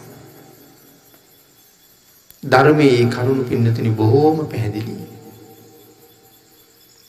යම් කෙනෙක් මරණයට පත්වෙන වෙලාවේ හිතේ තියෙන්නේ කේන්තියක් නම් ඒක ඉතාම අවාසනාවන්ත තත්ත්වයක්. දේශ සහයගත සිතින් මරණයට පත්වුණු එක්කො නිරේ උපදිනවා. එහෙම නැත්තම් විස සහිත සතෙක් වෙලා ඉපදෙනවා. එක්කො නයි නැත්තම් පොළගේ මාපිලෙක් කුණකටුව ගෝනුස්සේ මේ ආදි මේ ජීවත්වෙන විස සහිත සතෙක් වෙලා ඉපදිනවා. එහෙම නුන්නොත් යක්ෂය යක්ෂණයක් වෙලා ඉපදෙනවා. දේශයෙන් මරණයට පත්වීමේ අවාසනාවන්ත ප්‍රතිඵලය. පිනතින ධර්මකාරණාව එහෙම නම් අපි හිතන්ඩ ඕනෙ නැද්ද මරණයට පත්වෙන වෙලාවට මටත් ඒවාගේ ඉරනමකට මූුණ පණ්ඩ වෙයිද කියලා. එහෙම වෙන්ඩ තියෙන ඉඩකඩ බොහෝම වැඩි. ඒකට හේතු ගණනාවක් තියෙනවා. ඒ හේතු ටික ඔක්කොම මේ වෙලා පැහැදිලි කරන්න ගියොත් අපිට මේ ජාතක කතාව දේශනා කරලා ඉවර කරන්න බැරි වෙයි. ප්‍රධාන හේතුව තමයි ධර්මය නොදන්න බව. පිනතුනේ අපි කොච්චර හිත හදාගෙන කොයිතරම් ගුණධර්ම සම්පූර්ණ කරගෙන ජීවත් වුණත්. අපේ දරුවෝ ටික ධර්මයෙන් පෝෂණය වෙලා නැත්තම් අපේ අවසාන මොහොත ළඟාවෙන්න ළඟාවෙන්නේ ඒ අයි කෑකෝ ගහගෙන ඇඟට පයින්න. අඩාගෙන වැලපීගෙන වට කරගෙන කෑ ගහන්න. මරණ වේදනාව කියන එක ජීවිතයේ කවදාවත් ලැබිල තියෙන එකක් නෙමෙයි. ඒ වෙලාවට ලැබෙන අලුත්ම අත්දැකීමක්. හැබැයි සඳහන් කළා මේ ජීවිතයේ ජීවත්වෙන කාලය තුළ මොන තරං වේදනාවල් විඳල තියෙනවාද. ලෙඩරෝග හෙදිලා. ඒ සියලුම වේදනාවල් ටික එකට එක්කලොත් කොහොම තියේද ඊට වඩා වේදනා බරයි කියලා මරණ වේදනාව. ඒ තරම් වේදනාවකුත් දරාගෙන ඉන්න වෙලාවක මේ අය ඇඟට පැන පැනා කෑගහන්ඩ අඩන්ඩ ගත්තහම මේ හිත හදාගන්න තරම් ශක්තිමත්කමක් අපි දියුණු කරලා තියේද. ඒ දරුවන්ට අවබෝධයක් දීල තිබ්බොත්. ධර්මය තුළින් ඉපදිච්ච හැම කෙනෙක්ම මැරෙනවා. ඒ මරණ මොහොත නිදහසේ ඒ අවස්ථාවට මූඩද ඊට දෙන්නඩුවනේ. මේ ආදී කරුණු ඒ අයට සඳහන් කරලා ධර්මයෙන් පෝෂණය කරගත්තොත් නම් ඒ වෙලාවට ඒ අය අමාරුවෙන් නමුත් ඉවස ගැනී. එහෙම නැත්තං අහට්ට මෙහට්ට පෙරල පෙරල වාහනවලට ගොඩ කර කර නොයෙක් එහෙම් මෙහින් කටුවනෑන මේ දෙන හිරිහැරයයි අර වේදනාවයි සේරම එකතුන් හම හිත හදාගන්න පුළුහන්ද කියන කාරණාව පොහිතන්ට අන්න ඒ නිසා එවන් මොහොතක දවේශයක් හිතේ නූපදින්ද අපි සහ අපේ ගෙදර අපේ සාමාජිකය කොයි තරම් ධර්මානුකූලව අවබෝධයක ඉන්නද. ඒකයි මම සඳහන් කළේ අපි තනියම හිත හදාගෙන තිබුණට ඒක විතරක් ප්‍රමාණවත් මදි කියලා. මෛත්‍රියක් ජීවිතය ප්‍රගුණ කරන්නම කියලා භාගිතුන් වහස දේශනා කළේ එකයි. මොකද පින්නතුන එදාට දැරෙන දරුණු වේදනාව යටපත් කරලා තමන් විසින් කරගත්ත පින්කං ටික ඉස්මතු කරලා සිහිපත් කරගණ්ඩ අපිට මෛත්‍රියක් තියෙන්න්න ඕනේ. ඒ කායික වේදනාව යටපත් කරන්න පුළුවන් මෛත්‍රී වලින්. ඉතින් භාග්‍යතුන් වහසේ එහෙම අපිට අනුකම්පාවෙන් කරුණු පැහැදිලි කරලා තිබුණට අපි ජීවිතයක අපි එතින්ට යෙදිල නෑබින්නතුන. ඒ නිසා අපි හැම වෙලාම දේශ සහගතයි. අනුන්ගේ කරුණක් දිහා බල බල පවා අපිට ඇතිවෙන්නේ දේශයක්. ධර්මය දේශන කළා. කොයි තරං සැප පහසු මාලිගා හදාගෙන කොයි තරං සුවදායක යානවාහන අරගෙන කොයි තරං සුව පහසු ගෘහබාණ්ඩ ගේ ඇතුළි තියාගෙන එවන් ආසනවල වාඩි වෙලා සැප වින්දත් ඔහුට සැපයක් නෑ කියලා. මොකද ආසනය නම් සැපයි. ආසනය සැපවුනාට හිතේ දේශය තියෙන නිසා ඔහුට සැපක් නෑ. අපි වාහනය කියනකොට හිතන්ට. පාරේ ඉන්න අය පාරේ වාහන පදවන අය කරන යම් යම් වැරදි ක්‍රියාවලට අපිට කොච්චර තරහ යනවද කියලා. කෝටි ගානක් වටින වාහනයක ඉතාම සුවදායක අසුනක වාඩි වෙලා ඉන්න. ඉතින් වාහනෙත් හොඳයි වාහනේ ආසනෙත් හොඳයි. නමුත් අර පාරය යන මිනිහෙක් කරපු වැරද්ද නිසා මම ද්වේෂයෙන් රත් වෙලා පීඩාවින් මට සුවයක් නෑ. එහෙම වෙලාවක මැරුණා.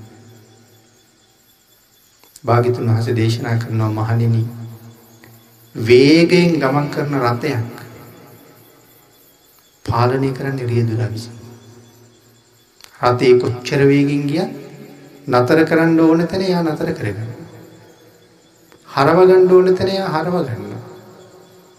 රථයේ ගැටෙන යමක් තිබුණොත් එතනින් මගාරව ගන්න. ඒකට ඔහු හරි දක්ෂයි. නමුත් මහණෙනි මම ඔහුට කියන්නේ නෑ රියදුරා කියලා. ඔහු රියදුරා නෙමෙයි.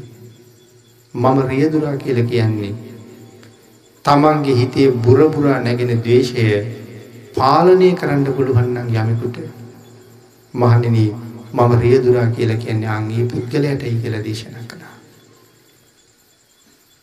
එහෙමනම් ද්වේෂයේ ප්‍රතිඵල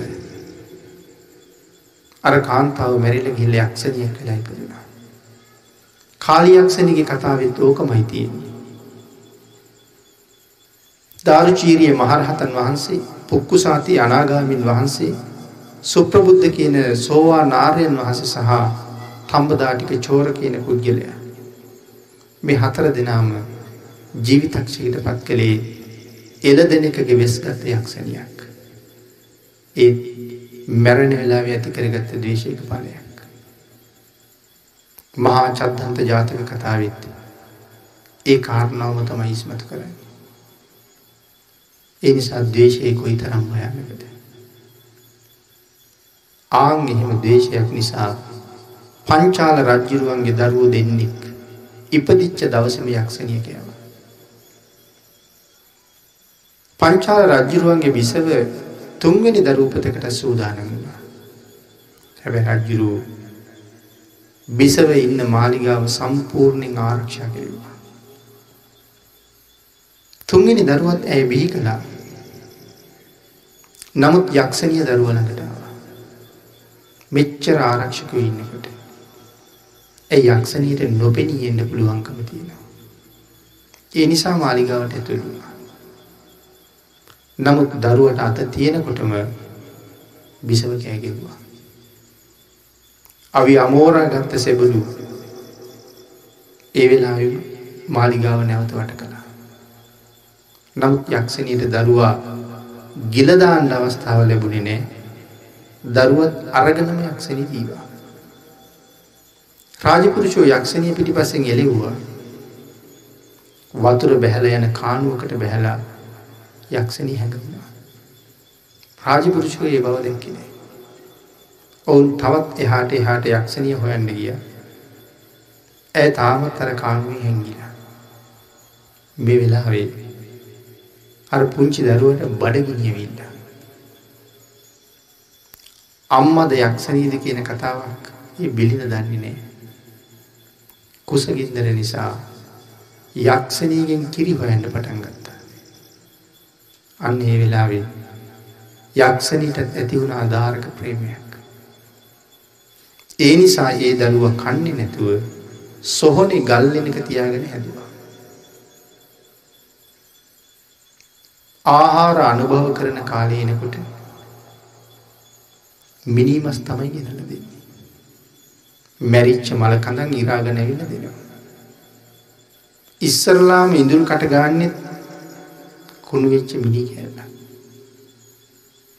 ඔහුට ඒ කිසි අප්‍රසන්න බවක් නෑ. මුලින්ම හම්බ වෙන්නේ මස් කෑල්ලක්කින්ද. එදා ඉඳල හැදෙන්න වැඩෙන්නේ අමුසුහොනෙ දාපු මිනීවල මස්කන්න.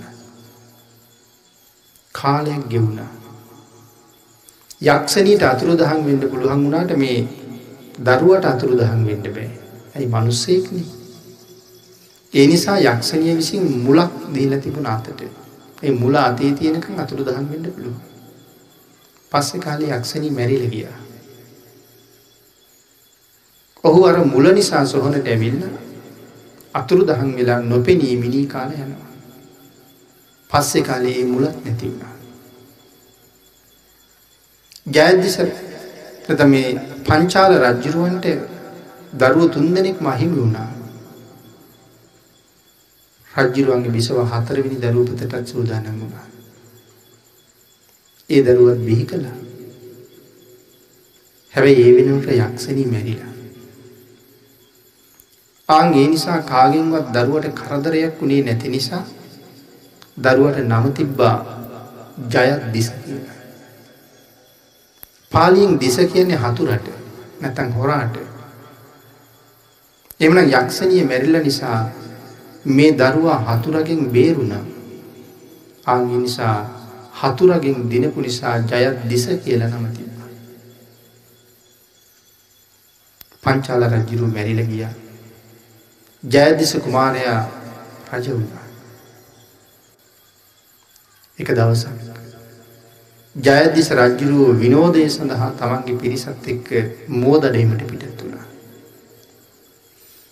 මව්පියන්ට සලකන එක බ්‍රාහ්මණයෙක් දඩේම යන අතරමගදී රජ්ජිරුවන්ට හම්බ වෙලා රජ්ජිරුවන්ට කියනවා මහරජෝබ හොයාගෙනයි මමාවී මහරජය මම ගාව තියෙනවා ගාථා හතරක් හැබැයි ඒක ගාථාවක් කහවලු දහසක් වටිනවා. මේ ගාථා හතර ඔබට උගන්නලා යන්න මමාවි කියලා. රජ්ජුරු කියන මං ගමනක් යන්න මගට බැක් පිටත් වෙලායි. මාලිගාවක් පෙන්නලා සඳහන් කළා ඔබ අර මාලිගාවීන්ද. මං මේ ගමන නිමා කරලා ඇවින්න ගාථාටික ඉගෙනගෙන ඔබට ධනය දෙනවා. එහෙම පොරොන්දු කරගෙන ඔහුට පහසුකං සපේලා දීලා රජිරු පිටත් වුණා. පිනතුරි මේ කාලේ අර යක්ෂයා අතුරු දහන් වෙන්න තිබිච්ච මුල නැති කරගෙන ඉන්නේ.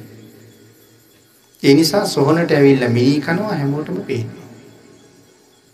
මිනිස්සු මේ කාරණාවෙන් බය වෙලා ජයදිස රජුරවන්ට කියලා තිබ්බ මහරජතුමනි යක්ෂයෙක් ඇවිල්ලා මිනිස්සුන්ට පෙනි පෙනීම මලමිනි කනවා කියලා. මහරජ මෙහෙම ගියොත් ගම් වැදිල පණ පිටින් මිනිස්සු කන කාලය ඈත නෑ කියලා කිව්වා. ජයදිස රජුරු පිරිසක් යවලා හිටිය යක්ෂයා අල්ලන්න. යක්ෂයත් තමන්ගේ ගුහාවෙන් එළියට එනකොට අවි අමෝරගත්ත පිරිසක් සොහන වට කරගෙන. ලොකු බයක් ඇති වුණා හිටියේ. බය වැඩිකමට කෑ ගහගෙන මිනිස්සු දිහාට දුවගෙන ආවා. මිනිස්සෙක් වුණාට ඉපදිච්ච දවසේ ඉඳලා කෙස් කපලා නැහැ. රැවුල වැවුන දවසේ ඉඳලා රැවුල කපලා නැහැ. ඉපදිච්ච දවසේ ඉඳලා අද වෙනකන් වස්ත්‍රයක් ඇඟලාගෙන නැහැ. කැලෑවේ ගස් කොළන් අස්සේ ජීවත් වෙන්නේ. ගල් ගුහාවක නිදාගන්න. ශරීර වර්ණය වෙනස් වෙලා බැලූ බැල්මටම යකෙක් වගේ කවදාවත්ම දත් මැදල නෑ. ඉතින් අර ආරක්ෂාවට ඉන්න පිරිස. සේරම බයවුණ අයකා නිසා. ඒගොල්ලො දෙපැත්තට ඇත්තුනා යක්ෂයත් දූගෙනන්නේ බයි පිරිස මැද්දෙන් පැල්ල කැලේ ඇතුළට දීලා.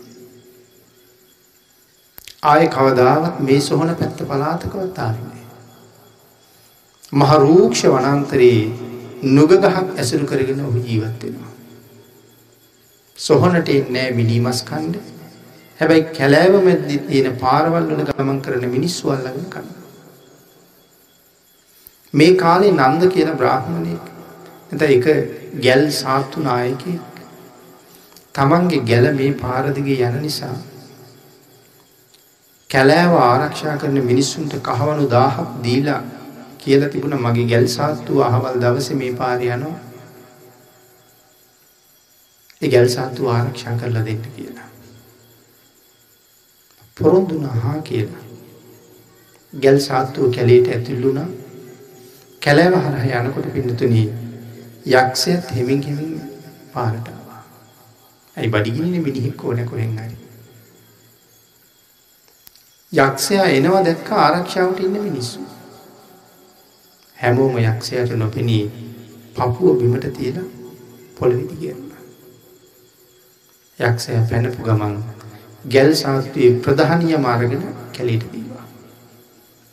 ආරක්ෂක මිනිස්සු එලෙව්වත් වැඩක් උන්නෑ ඔහු ඇදගෙනම දුවන.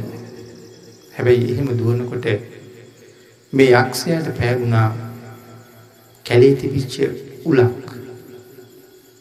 එක පතුල සිදුරු කරගෙන ගිය. ඒ වේදනාව දරන්න බැරි නිසා බ්‍රාහ්මණයා තැරල දීම. නුග ගහයටට වෙලා හත් දවසක් කෑමට ඇන්ඩුවේ. පාදය මුලෙන් හිල්ලෙලා.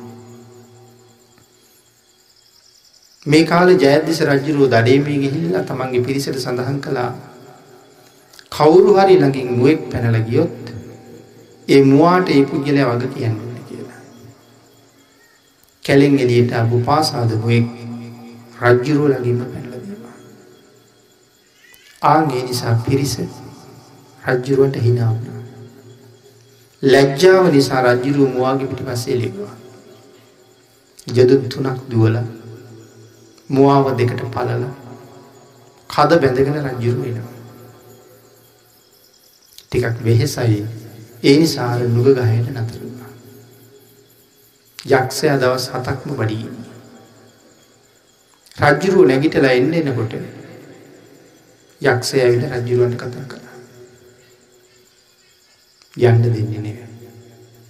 ඔබ ඉන්නේ මගේ විමානය ඇතුළේ. දවස් හතක්ම බඩිගින්න ඉන්නේ. මට ලැබිච්ච ගොදුර මං කීයටවත් අත්හරින්නේ කියලා. රජ්ජුරු හරි ශක්තිමත්. ඒ වුණාට යක්ෂය දැකල මේ වෙලාවේ රජ්ජුරුවන්ගේ පාදවල මාංස පිසි තද වෙලා තියෙන දුවන්න බේ.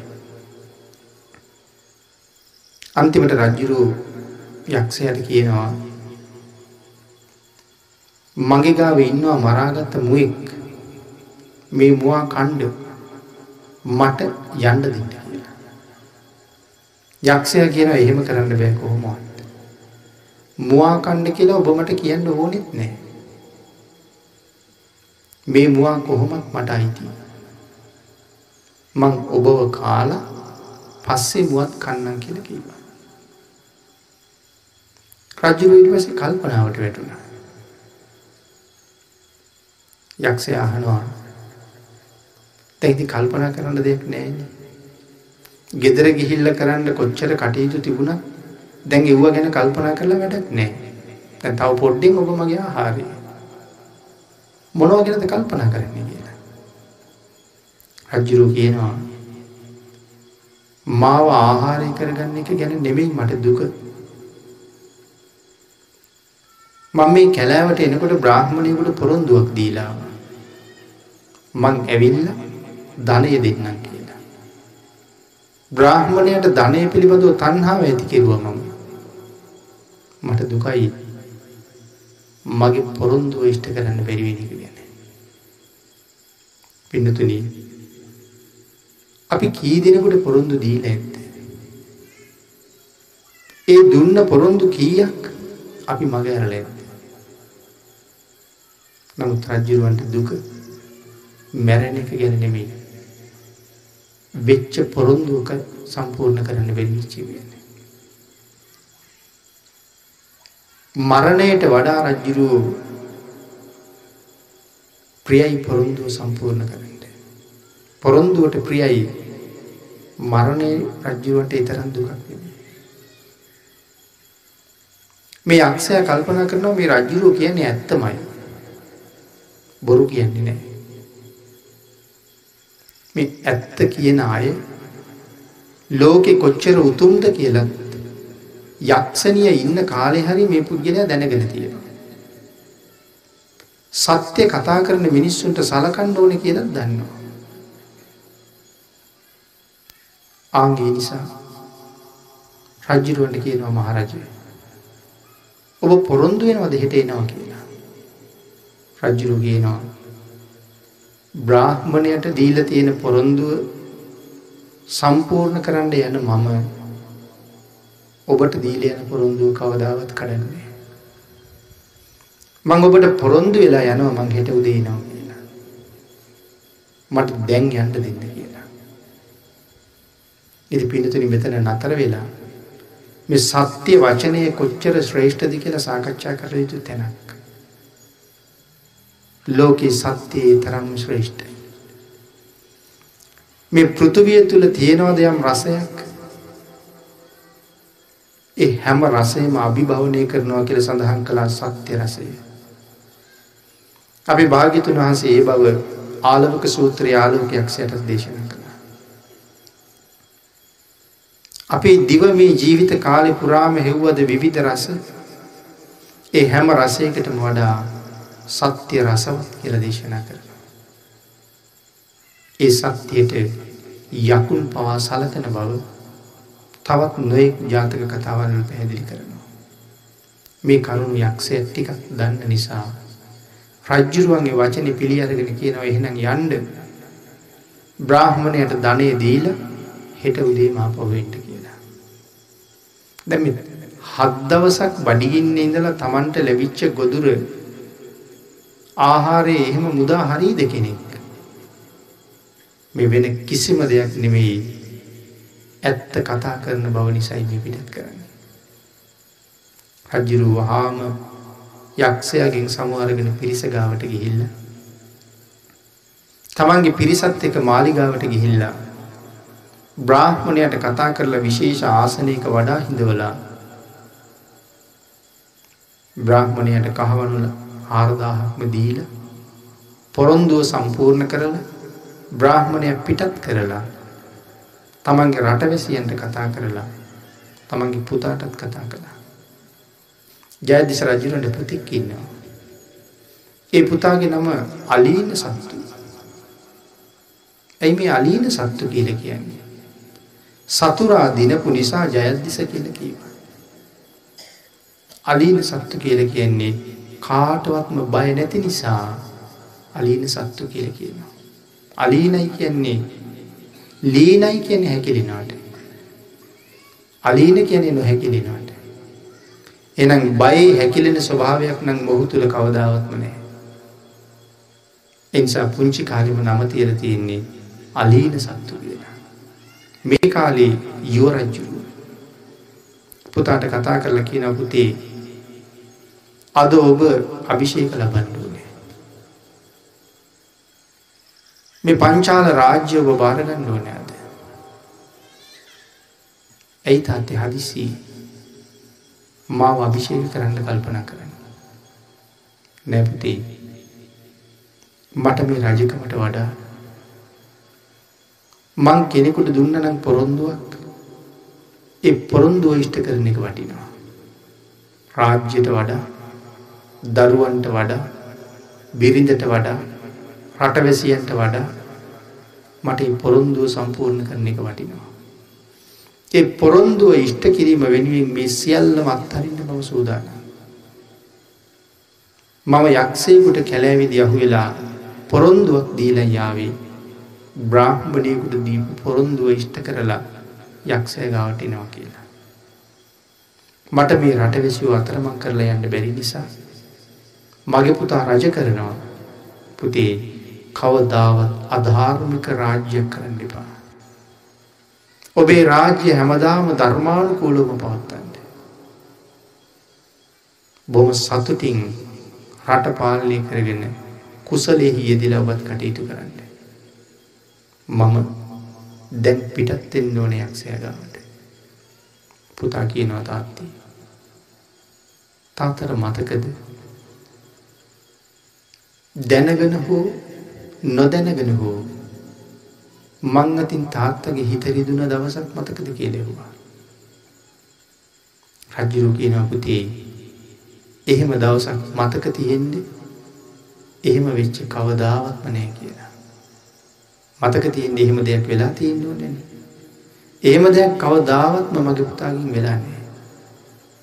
තාත්තේ එහෙම දෙයක් මගේ වෙලා නැත්තම්. ඇයි අපි දාලා යන්නේ? මට මේ රාජ්‍ය වටින්නේ තාත්තේ. මට මගේ බිරිඳකින් වටිනාකමකුත් නෑ. මට රාජ්‍යයටයි බිරිඳටයි දෙකටම වඩා මට වටින්න මගේ තාත්තා. තාත්තා නැති රාජ්‍ය මට මොකටද කියලෙව්වා. තාත තවත් යනවන අපි දෙන්නම යන. අපි දෙන්නම යන් යක්ෂය ගාවට. තාත්තා නැතුව මට රජකම එපා කියලා කිව්වා. පිඩතුන තාත්ත ගැන එහෙම හිතන පුත්තු. මේ ලෝකෙ කොයි තරං ශ්‍රේෂ්ඨද? තාත්ත නැත්තං රජකමත් එපා. තාත්ත නැත්තං බිරිඳත් එපා. නමුත් පස්සෙ කාලය අපි අහනවා රජකම නිසා තාත්තා මරණ පුත්තු ගැන. බිරිඳක් නිසා අම්ම ඉතාත්තයි ගෙදරින් පන්නන දරූ ගැන. නමුත් සත්පුරුෂයෝ කියන්නේ ඒ කවුරුවත් එපා මව්පියෝ නැගීලා. පුතා එක කතා කරලා බේරෙන්න බෑ තාත්තට. පුතා කියනවා තාත්තේ අපි දෙන්නම ගියොත් දෙන්නම මැරෙනවනේ. තාත්තා ඉන්නේ මම යන්න. පුතා කියනවා තාත්ති. තාත්තගේ පණ කොහොමත් දැන් යක්ෂයට බාර වෙලා තියෙන්නේ. තාත්ති යක්ෂයාට පොරුන්දුන පණ මට දෙන්න. මගේ පණ තාත්තවට. මම යන්නම් යක්ෂයකට. ජයදිස රජ්ජුරු කියනවා පුතේ ඕක තමයි සත්පුරුෂයන්ගේ හැටි. අම්ම තාත්තා වෙනුවෙන් ජීවිතයේ පූජා කරන්න දෙපාරක් හිතන්නේ සත්පුරුෂයෝ කවදාවත්. මේ තාත්තට තමන්ගේ පුතා ගැන මොන තරම් විශ්වාසයක් තියෙනවාද? තාත්ත කියනවා එනම් යන්ඩ යක්ෂයගට තාත්තගේ හිත කියනවා මගේ පුතාගේ රෝම ගහකටව තානි කරන්න. ඒ යක්ෂයට බේ කියලා. පුතා ජීවත් වන හැටි පුතා ජීවත් වෙන හැටි තාත හොඳට දන්න නිසා. අම්මටත් වැඳල තාත්තටත් වැඳල සහෝදරීටයි බිරිඳටයි දෙන්නටත් කතා කරන තාත්ත ගාවට ගිහිල්ලා ආපව වහනෝ තාත්තේ තාත්ත මග සලකුණු තියලාව දෙයක්ෂය ගාවට යන පාරි කියලා. ඔබුතේ මග සලකුණු තියල තියෙනවා. අහවල් තැනින් අහවල් තැනින් යන්න ඒ ඒ තැන්වල මෙන්න මේ මේවාගේ සලකුණු තියෙනවා. ඒ සලකුණු බලාගෙන යන්න ඔබට යක්ෂය හම්බී කියලා. මව්පියන්ට වැඳල පිටත් වෙනවා. බය කියල දෙයක් ගෑවිලන්නේ. නමත් ඊටම ගැලපෙන්ඩ තියල තියෙන්නේ අලීන සත්තු කියලා. හැබැයි පුතා පිටත් වෙනවා දැක්කාම අම්මට නම් පියවි ස්වභාවයෙන් ඉන්න බැරුව යන. අම්මට සිහි නැතුව මහපොළොවුඩ ඇද වැටෙන. තාත්තට යන්ඩ කීවට දරාගන්න බෑ. තාත කියනව පුතේ මගේ මරණයට වඩා මට උගේ මරණය දුකයි කියලා. මට එක වේදනාවක් කොඹ මැරෙන හැටි. එනි සතාත සත්‍යයක් ක්‍රියාවක් කරනවා. වරුණ දෙවියෝද සෝම දෙවියෝද ප්‍රජාපතිීද හිරුද සඳුද මගේ පුතා ඒ කාන්තෙන් රකිත්වා යක්ෂය දිනලා මගේ පුතා ආපහු තමන්ගේ රටට එන්ඩෝන කියලා. අම්මට සිහියවිල්ල අම්ම කියනවා දණ්ඩ කීරන්නේට ගිපු රාම දෙවිය විසින් ගෙනහිල්ලා ආපහු අම්මට බාර දුන්නා. මගේ පුතා දෙවියෝ රැකලා ආපහු මටම ගෙනත් දෙනවා කියලා. කුමාරය යනවා පොරිසාදය ළඟට. ගහක් උඩ හැංගිලා ඉන්නේ. නමුත් කුමාරය එනවා දැකලා දන්නවා රජ්ජුරුව නෙමෙයි එන්නේ පුතා වෙන්දේ. ගහින් බහිනවා. රජ්ජුරුව එයි කියලා ටිකක් බයේ හිටියේ. ශස්ත්‍රියෝ මායංකාරයෝ එන්නම් කියලා කිවට කොහොම එයිද දන්නේ. ගහින් බැහැලා කුමාරයට මහා දේහයක් තියෙනවා. මනා උසක් තියෙනවා. හඳක් වගේ සුන්දර මුහුණක් තියෙනවා. පෝරිසාදයා මූනට මූුණ දෙන්නැතුව පිටිපස් සහරවල කතා කර කතා කරලා අහනවා. ඔබ කවුද උඹ දන්නේ නැද්ද මේ මිනිමස් කන්න මේ කැලේ ඉන්න බව? උඹ බය නැතුව මේ කැලේට ආවේයි කියලා. කුමාරයා කියනවා උඹ මිනිමස් කන බව මම හොඳට දන්නවා. මම ඔබ හම්බෙන්නම තමයි ආවේ. මං ජයදිස රජුගේ පුතා. යක්ෂයා කියනවා මට ඒක තේරුණා. ඔබේ තාත්තගේ මූණයි ඔබේ මූණයි දෙකම එක වගේමයි. මං හිතුවා රජුගේ පුතා වෙන්නේයි. තාත්ත වෙනුවෙන් පුතා එන වෙන්දේ කියලා. කුමාරය කියනවා ඒකටම තමයි මම ආවේ. යක්ෂය අහනවා ඔබ මැරෙන්න බය නැද්ද? මේ ලෝකේ හැම මිනිහෙක්ම මැරෙන්න බයයි. කුමාරය කියනවා ඉපදුනොත් කෙනෙක් පින් කෙරුවත් පව් කෙරුවත් මැරෙනවම තමයි. කෙනෙකුට මැරෙන්න තියෙන ජීවිතේ අම්ම තාත්ත වෙනුවෙන් මැරෙන්ඩ ලැබෙනව නම් ඒක තරම් භාග්‍යයක් තව කොහෙන්ද කියලා අහනවා. අම්ම තාත්ත වෙනුවෙන් මැරෙන්ඩ ලැබෙනව නම් ඒක භාග්‍යයක්.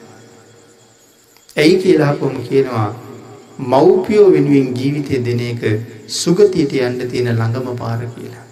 අම්ම තාත්ත වෙනුවෙන් ජීවිතය දෙන එක දෙව්ලෝට යන්න තියෙන ළඟම පාර. පින්නතුනි මේ කතාවයි අපි අපේ මව්පියෝ අතර තියෙන සම්බන්ධය ගැන කල්පනා කරලා බලන්න. අපිට අපි ගැන කොච්චර දේවල් හිතන්න තියෙද. යක්ෂය කල්පනා කරනවා. මොහු මැරෙන්න බය නැතුවමද. කුමාරයගෙන් අහනවා ඒ කියන්න ඔබ මැරෙන්ට බය නැතිම කෙනෙක්ද කියලා. කුමාරය කියනවා මෙලොවත් පරලුවත් මට දෙකම එකයි. මරණයට බයවෙන්න කිසිම හේතුවක් මට නෑ කියලා. යක්ෂයාන හේතු එහෙම කියන්නේ. අලින සත්තු කුමාරය කියනවා.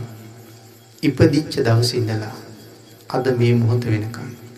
එලි පිටවත් රහසේවත් කරපු වරදන් මගේ ජීවිතන්නේ. එහෙම වැරදි නැති මම මොකක් නිසා මැරෙන්න්න බයවෙන්ඩ කියලා යක්ෂය කල්පනා කරනවා මොහු මරාගෙන කෑවුත් මගේ ඔලුව හත්කඩකට පැලෙන්න්න පුළුවන්. එනිසා කියනවා යන්ඩ ගිහිල ගිනි ගොඩක් ගහල එන්න කියලා. කුමාරය කැලේ පුරාම ඇවිදලා දර එකතු කරනවා.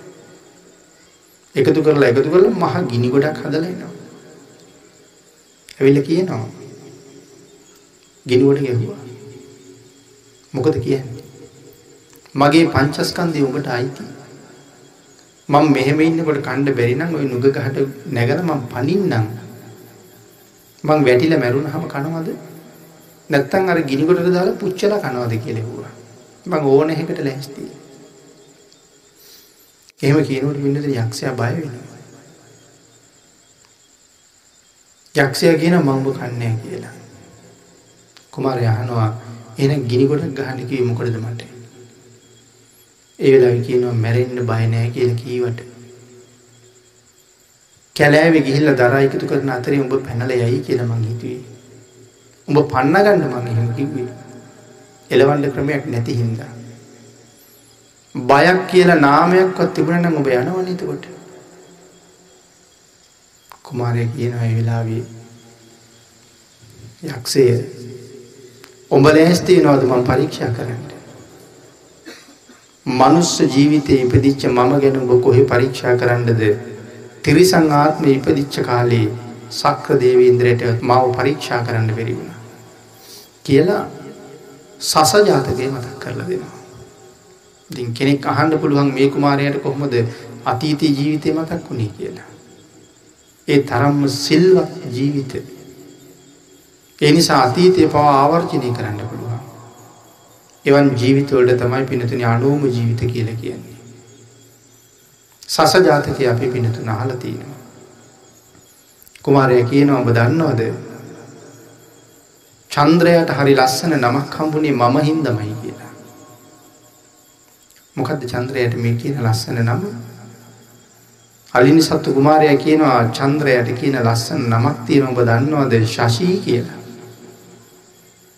හඳට ශශී කියන්නේ වෙන කවුරුවත් හින්දා නෙමෙයි මම හින්දා කියලා. අතීත කතාව කියලා දෙනවා එදා මගේ ශරීර මාංශය ඉල්ලගෙන ආපු බ්‍රාහ්මණයට ගිනි අඟුරු ගොඩට පැනලා මගේ මස පුච්චලා දෙන්න හදනකොට ඇවිල්ලා තිබි සක්‍ර දේවේන්ද්‍රය. මගේ දාන පාරමිතාව ගැන සතුටු වෙලා එදා මාව ගිනි අඟුරු කන්දෙන් එළියට අරගෙන දානයේ ශ්‍රේෂ්ඨ බව කප පවතින තුරු ලෝකය දැනගත යුතුයි කියල හිතලා. පරුවතයක් මිරි කලා අතටාපු ඉස්මටික හඳ මඩලොන්ට තවරලා හඳ මදනේ සසලපය එදා ඇති කළේ සක්‍ර දේවේන්ද්‍රය කියලා. එ මම දාන පාරමිතාව පුරණ කාලී කියන කතාව මතක් කරලා දෙනවා. එදා සක්‍ර දේවේන්ද්‍රටවත් බැරිවුණා නං මාව පරීක්ෂා කරන්න මිනිහෙක් වෙලා ඉපදිච්ච කාලේ උඹ කොහොමද ඒක කරන්නේ? බයක් තියෙනවා නම් මම ඉන්නේ නෑනේ කියලා. යක්ෂයා කල්පනා කරනවා මේ කුමාරයා කේසර සිංහෙක් වගේ. මොහු කණේක කොහොමත් මට සුබදායක නෑ. ඒ නිසා කියනවා කන්නේ කොහොමද කියලා. කුමාරයා කල්පනා කරනවා මොහු යකෙක් වෙන්න බෑ කියලා. කොහොමත් මොහු යකෙක් වෙන්න බෑ. යකෙක් නම් වෙලහට පැනලා කණ්ඩ ඕන එක්කු. නමුත් යකෙකුගේ ඉරියව් මොහුගෙන් පේන්නේ. යකෙක් නම් ඇස් දෙක රතු පාට වෙන්න ඕනේ. යකෙක් නම් ඇහිපිය නොහෙලන්න ඕනේ. යකෙක් නම් හෙවණැල්ල නැති වෙන්න ඕනේ. නමුත් මොහුගේ ඇස් රතු නෑ. මොහු හොඳට ඇහිපිය සලනවා. මොහුගේ හෙවණැල්ල තියෙනවා. කුමාරයාට මතක් වෙනවා. මගේ තාත්තගේ සහෝදරයෝ දෙන්නෙක් යක්ෂණයක් කාලා එක සහෝදරයෙක් යක්ෂණයක් අරගෙන දුවල ගිහිල්ල මේ වෙන කවුරුවත් නෙමෙයි යක්ෂයෙක් වගේ මහ කැලෑව මැද්දෙ පෙනී හිටින්නේ මේ මගේ ලොකු තාත්තමයි කියලා. එහෙම වැටහෙන්න මොනතරම් බුද්ධියක් තියෙන්න නැත. යක්ෂයාට කතා කරලා කියනවා මම කන්නේ නැද්ද? මම කන්නේ නැත්තම් අදින් පස්සේ කවදාවත්ම සත්තු මරාගෙන කන්න එපා. පොරොන්දු කරවගන්න. පන්සිල්ලි පිහිටවනවා. පිහිටවල කියනවා ඔබ යකෙක් නෙමේ මගේ ලොකු තාත්තා කියලා. යක්ෂය කියනවා මම පිළිගන්නේ නෑ. ඊට පස්සේ අහනවා ඔබ පිළිගන්න කෙනෙක් නැත්නම් ඔබ පිළිගන්න වචන තියෙන කෙනෙක් මේ කැලේ ඉන්නවද කියලා. ඒ වෙලාවේ සඳහන් කළා මහා ඍෂිවරයෙක් ওই කැලේ ඉන්නවා. ඒ ඍෂිවරයා කියන දේ මම පිළිගන්නවා කියලා. එහෙනම් යන්න. පොරිසාදිය තඬ ගහගෙන වෙනවා ඉතින්. එනකොටත් අහන්න දෙයක් නෑ. ඍෂිවරයා කියනවා තාත්තයි පුතයි කොහෙද මේ කැලෑවේ සැරිසරන්නේ කියලා. ඒකෙන්ම පොරිසාදිය පිළිගන්නවා කුමාරයාගේ කතාව ඇත්ත. කුමාරයා කියනවා යන්න. අපේ රාජ්‍යයට යන් කියලා. යක්ෂයා කියනවා නෑ. මං මෙහි නතර වෙන්න. කුමාරයා ගිහිල්ලා රටම සතුටු කරලා අම්මා තාත්තා පිනවලා තාත්තට වැඳලා කියනවා තාත්තී ඒ කැලෑවේ හිටියේ යක්ෂයෙක් නෙමෙයි තාත්තී.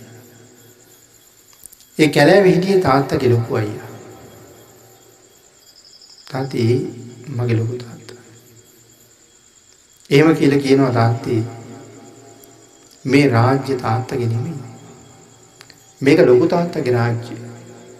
ලොකු තාත්තා නැති හින්දා තමයි තාත්තා රජකම් කරන්නේ. අපි යමු ලොකු තාත්තා එක්ක ඇවිල්ලා රාජ්‍ය දෙමු නේද තාත්තේ කියලා. පින්නතුනි ඉස්සරහට මට හම්බෙන්න තියෙන රාජ්‍ය ලොකු තාත්තට දුන්නාම ඊළඟට ඒක ලැබෙන්නේ ලොකු තාත්තගේ පුතාට. කොයිතරම් උතුම්ද තමන්ට ලැබෙන තියෙන රාජ්‍ය අත්හරින්න ලෑස්ති වෙන හැටි.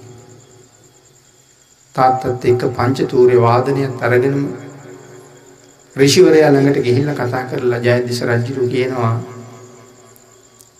එන්න යන්න.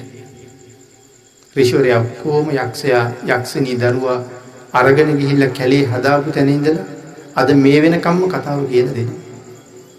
ඊට පස්සේ කියනවා එන්න යන්න. අයියගේ රාජ්‍ය අයියම ගන්න කියලා. පොලිසාදය කියනවා නෑ.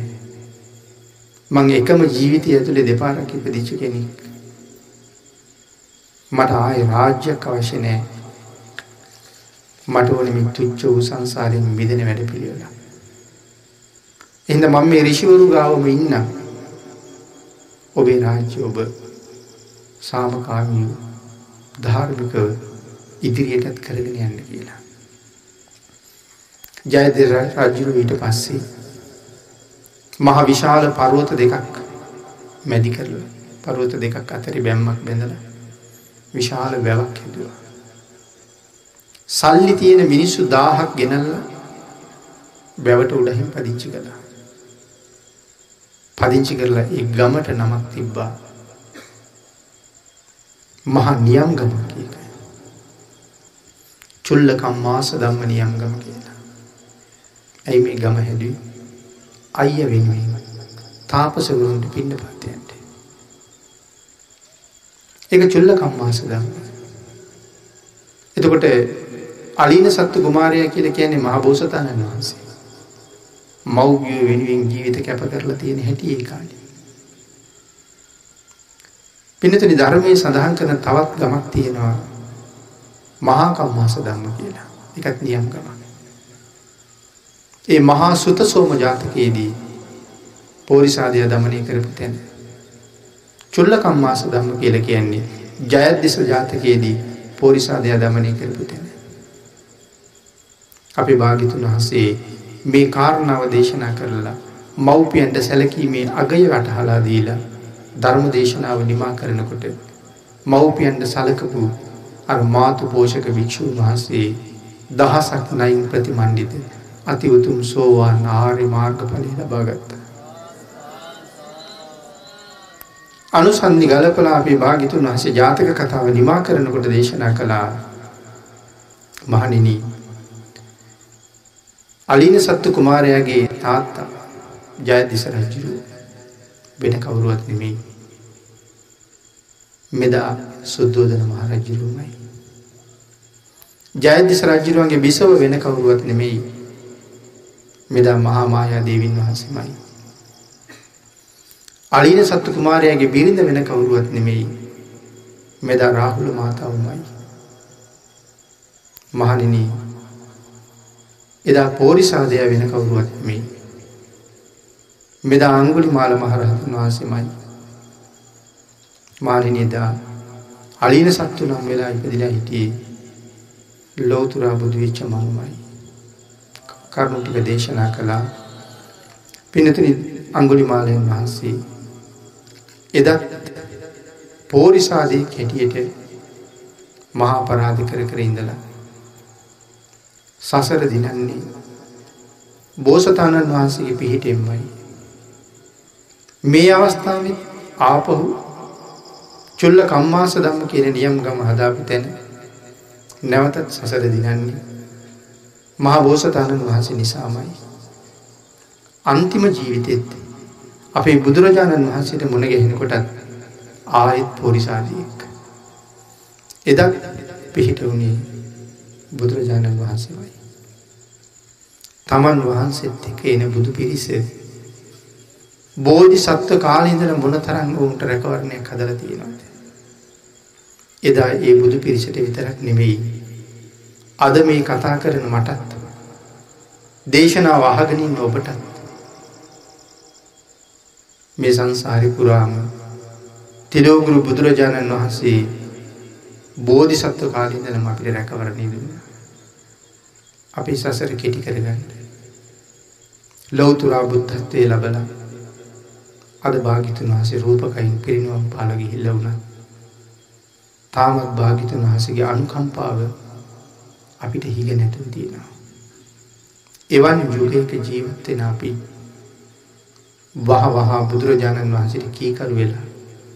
තිසරණෙහි පිහිටලා පංචසීලේ දිවිහිමියෙන් ගරු කරලා ශ්‍රද්ධාවෙන් දියුණු වෙලා භාග්‍යතුන් වහන්සේගේ ආශිර්වාදයෙන් ධර්මරත්මය ආශ්චර්යයෙන් මේ කට්ක භයානක දුක්කිත සංසාරයෙන් එතරවෙන්ඩ වීර්ය වඩන්න තියෙන අවස්ථාවෙන් ප්‍රයෝජන ගණ්ඩ උත්සාහ කරම කියන කාරණාව ඔබ සියලු දෙනාටම සෙහිපත් කරලා ඒ නෛර්යානික ධර්මරත්නය එදත් අදත් හිටත්.